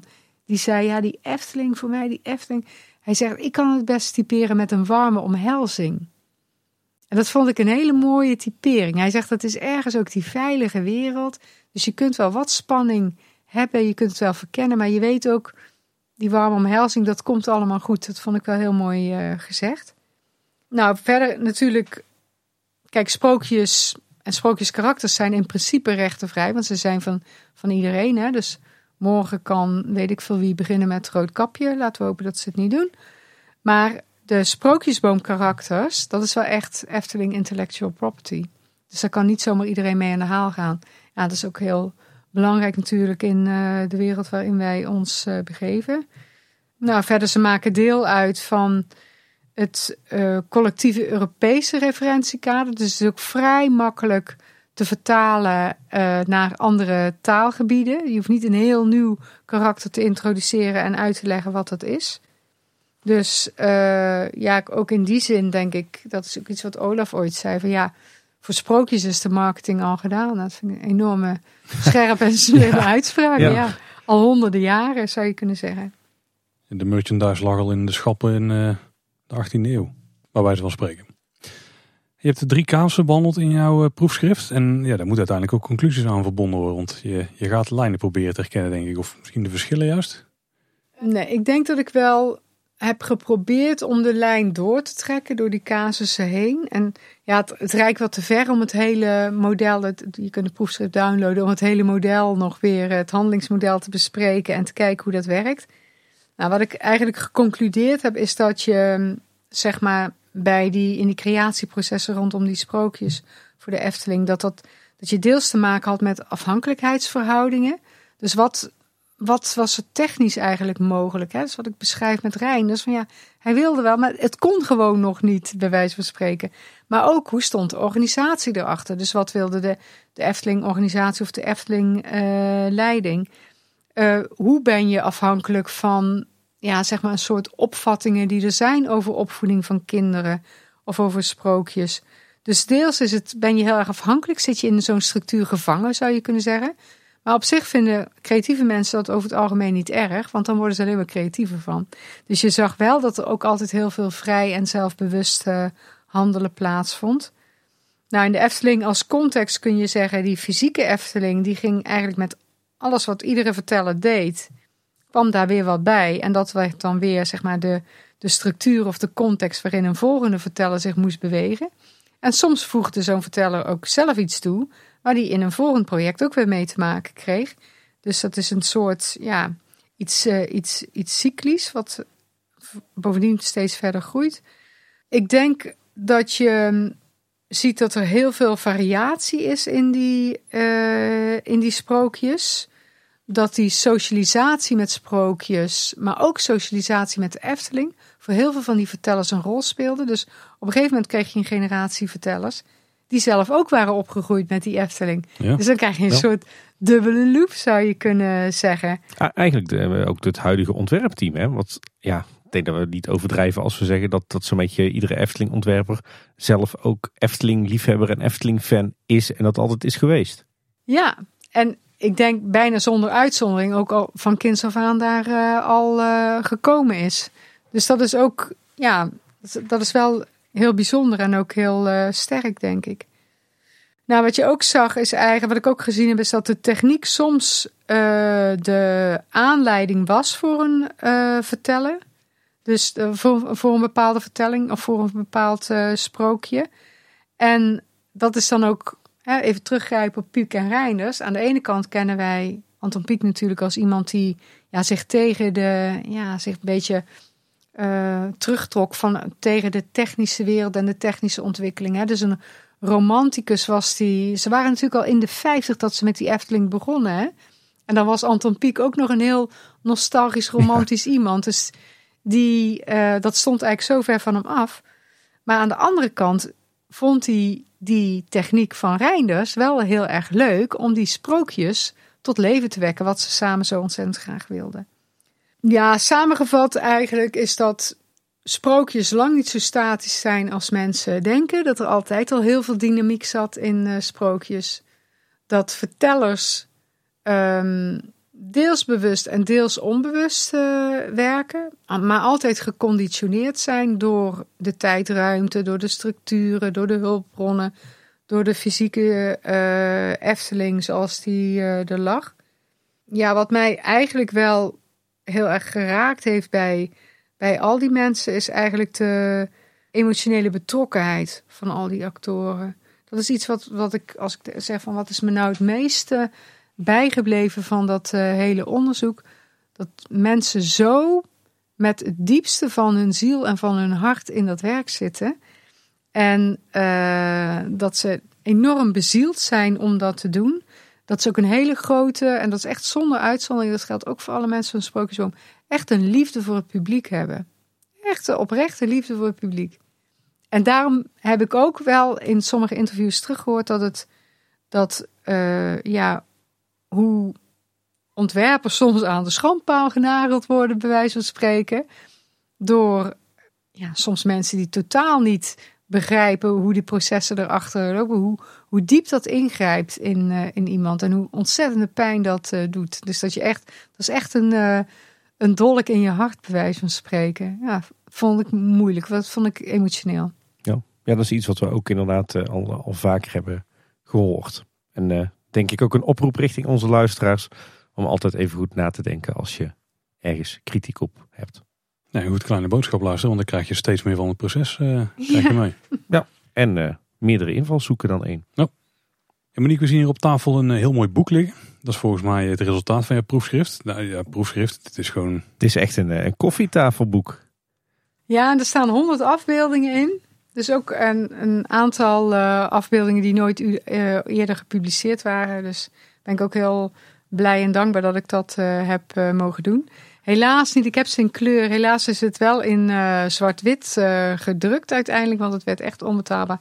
Maar wat heel leuk is, is dat Robert Jaap het boek ontworpen heeft.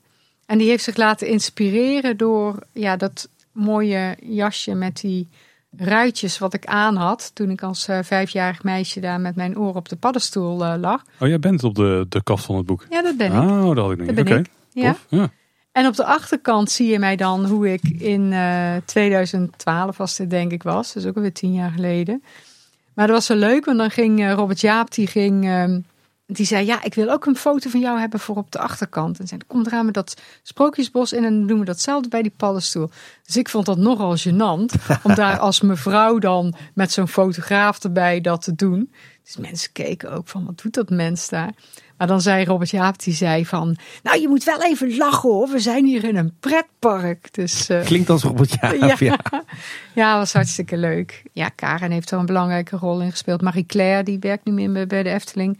Maar uh, ja, de hele redactie en beeldredactie en zo, dat uh, ja, was een kluif. Maar, uh, Je kreeg echt wel enorm veel medewerking vanuit de Efteling dus.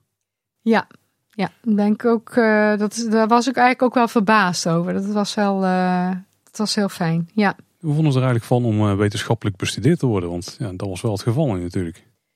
Ja, dat vonden ze wel heel uh, interessant om te weten. Het is natuurlijk ook wel lastig, want zeker zo'n zo'n laatste casus, daar zaten ze zeker op dat moment. Sprookjesboom is er natuurlijk nog steeds, nog steeds hartstikke goed. Zaten ze daar ook middenin. Dus dan moet je ook uit, ja, het is toch, het is een openbaar werk, zo'n proefschrift. Maar uit concurrentieoverwegingen kun je bepaalde dingen, wil je dan ook weer niet naar buiten brengen. Dus cijfers over verkopen en weet ik wat allemaal. Maar dat was voor mij ook niet zo relevant. Ik wilde gewoon weten, wat is dit nu met sprookjes? Hè? Hoe zitten hier sprookjes nog in? Wat zijn hier de voor- en de nadelen van volgens die uh, vertellers? Dus ik heb ook totaal niet de pretentie, ondanks dat het uh, 300, hoeveel zijn het ook alweer?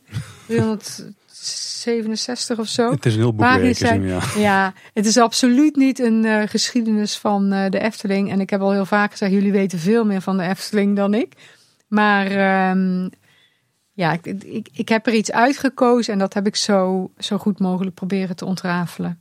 Ik eh, wou net zeggen, ik denk dat er niemand op deze wereld is die zoveel weet over de Efteling en storytelling als jij. Mm, dat weet ik ook niet, maar uh, nee, misschien zijn er mensen. Ik denk dat de mensen bij de Efteling zelf daar misschien wel meer over weten. Ik denk dat Gerry ook enorm veel weet. Oeh, ja. dat weet ik wel zeker. Dat is ook een ja. kandidaat, ja. Eh, gek zijspoortje. Je, jouw, een heel groot deel van wat je hier vertelt het vandaag staat in het teken van Roodkapje. Is het nou zo als Monique naar een gekostumeerd bal gaat of naar carnaval dat ze ook verkleed gaat als Roodkapje? Of? Nou, carnaval zal ik jullie zeggen, heb ik sinds mijn 18 al niet meer uh, gevierd. Maar ik heb wel wat met Roodkapje, ja. Ik had ook een rood jasje aan bij mijn promotie. Dus uh, ik had oh, al ook nog een foto ja. van. Jij vindt het vast ook helemaal niet vervelend dat de Efteling de laatste jaren uh, eigenlijk altijd Roodkapje op de voor, uh, voorgrond schuift. Ja, het is gewoon een heel herkenbaar uh, karaktertje.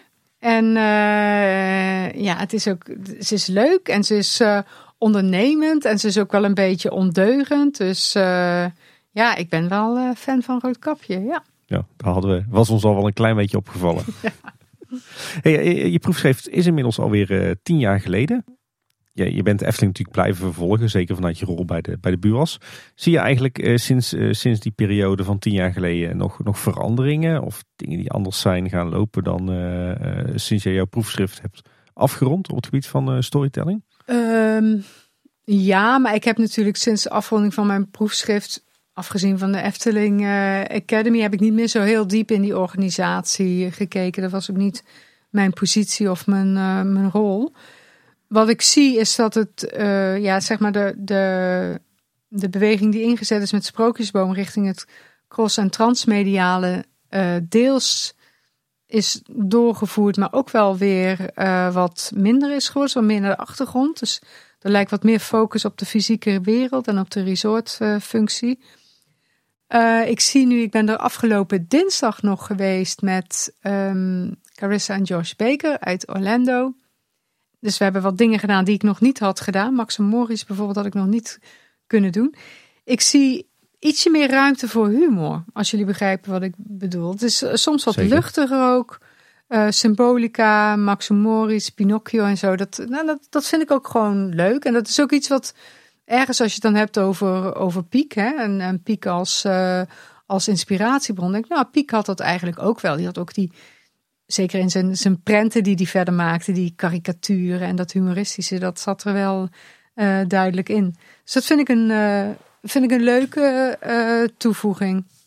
Ooit voordat je het hele lange traject aanging, of vooral het zware traject, toen, toen keek je op een bepaalde manier naar de Efteling. Keek je nou na het afronden van je proefschrift op een andere manier naar de Efteling? Mm, ja. Ja, ben wel anders naar de Efteling gaan kijken. En Ja. hoe is dat veranderd? Ik ben wel tot de conclusie gekomen dat het een organisatie of een instituut is, zeg maar, van de hele lange adem. Dat zij echt al heel lang van tevoren bepaalde dingen in gang zetten. Of daar al mee bezig zijn. En dat is heel lang voordat er überhaupt maar met een ontwerp begonnen wordt. Of dat wij als bezoekers het gaan, eh, gaan merken. Dat, eh, ik vind het een. ehm, ja, zeker die, de jaren dat, dat ik daar eh, rondliep. Hoe eh, onderzoek gedaan werd en zich ontwikkelde. En met name ook eh Marjolein, die op een gegeven moment manager onderzoek werd. Die ook heel veel, Bart, Bart, Bart Kleijzen, die daar eh, ging werken, kwam ook vanuit de Efteling Academy. Dat er ook heel veel, heel interessant kwalitatief onderzoek werd gedaan. Hè, dus echt verkenningen met, met focusgroepen met kinderen en zo, om dat allemaal te achterhalen. Dus niet alleen gasttevredenheidsonderzoek, maar ook aan die voorkant iets proberen. Dat vind ik ook eh, eh, heel eh, interessant. Dat zijn dingen die, die je normaal als, ja, als bezoeker eh, niet meekrijgt natuurlijk. Zeker, ja. Nou Monique, volgens mij hebben we een, een goed eerste beeld gekregen van jouw, eh, jouw proefschrift en jouw promotieonderzoek.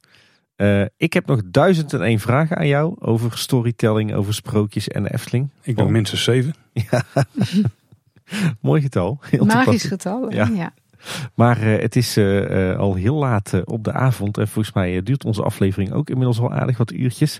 Dus ik denk dat we die vragen maar eens gewoon moeten gaan bewaren tot een volgende aflevering. Zeker. En dan eh krijgen jullie natuurlijk ook de uitsmijters. Hè? Mensen die weten dat erop zitten te wachten. En Monique, je weet ook dat die eraan kwamen natuurlijk. ja, precies. Ja. Ik heb nog even om erover na te denken. Ja, zeker. Dat is een moeilijke vraag. Dus die bewaren voor een andere keer. Ja, en, en we moeten het nog gaan hebben over de Efteling Academy natuurlijk. En over alle projecten waar Monique zich eh, na haar eh, proefschrift mee bezig heeft gehouden. Ja, en de visie eh, op storytelling in de Efteling die op dit moment hebben. Ja, nou, heel veel om nog, eh, nog aan te raken.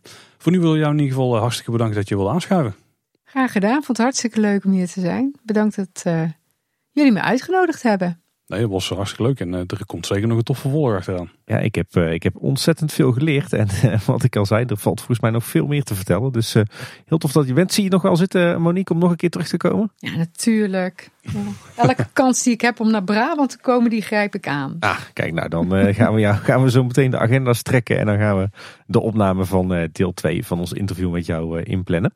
Als mensen nou meer willen leren over de dingen waar jij mee bezig bent. Of meer over jou willen weten. Waar kunnen ze jou online dan vinden? Eh, ik heb wel met wat Tim had voorbereid gezien dat ik eh, mijn eh, LinkedIn weer eens een keertje bij moet werken.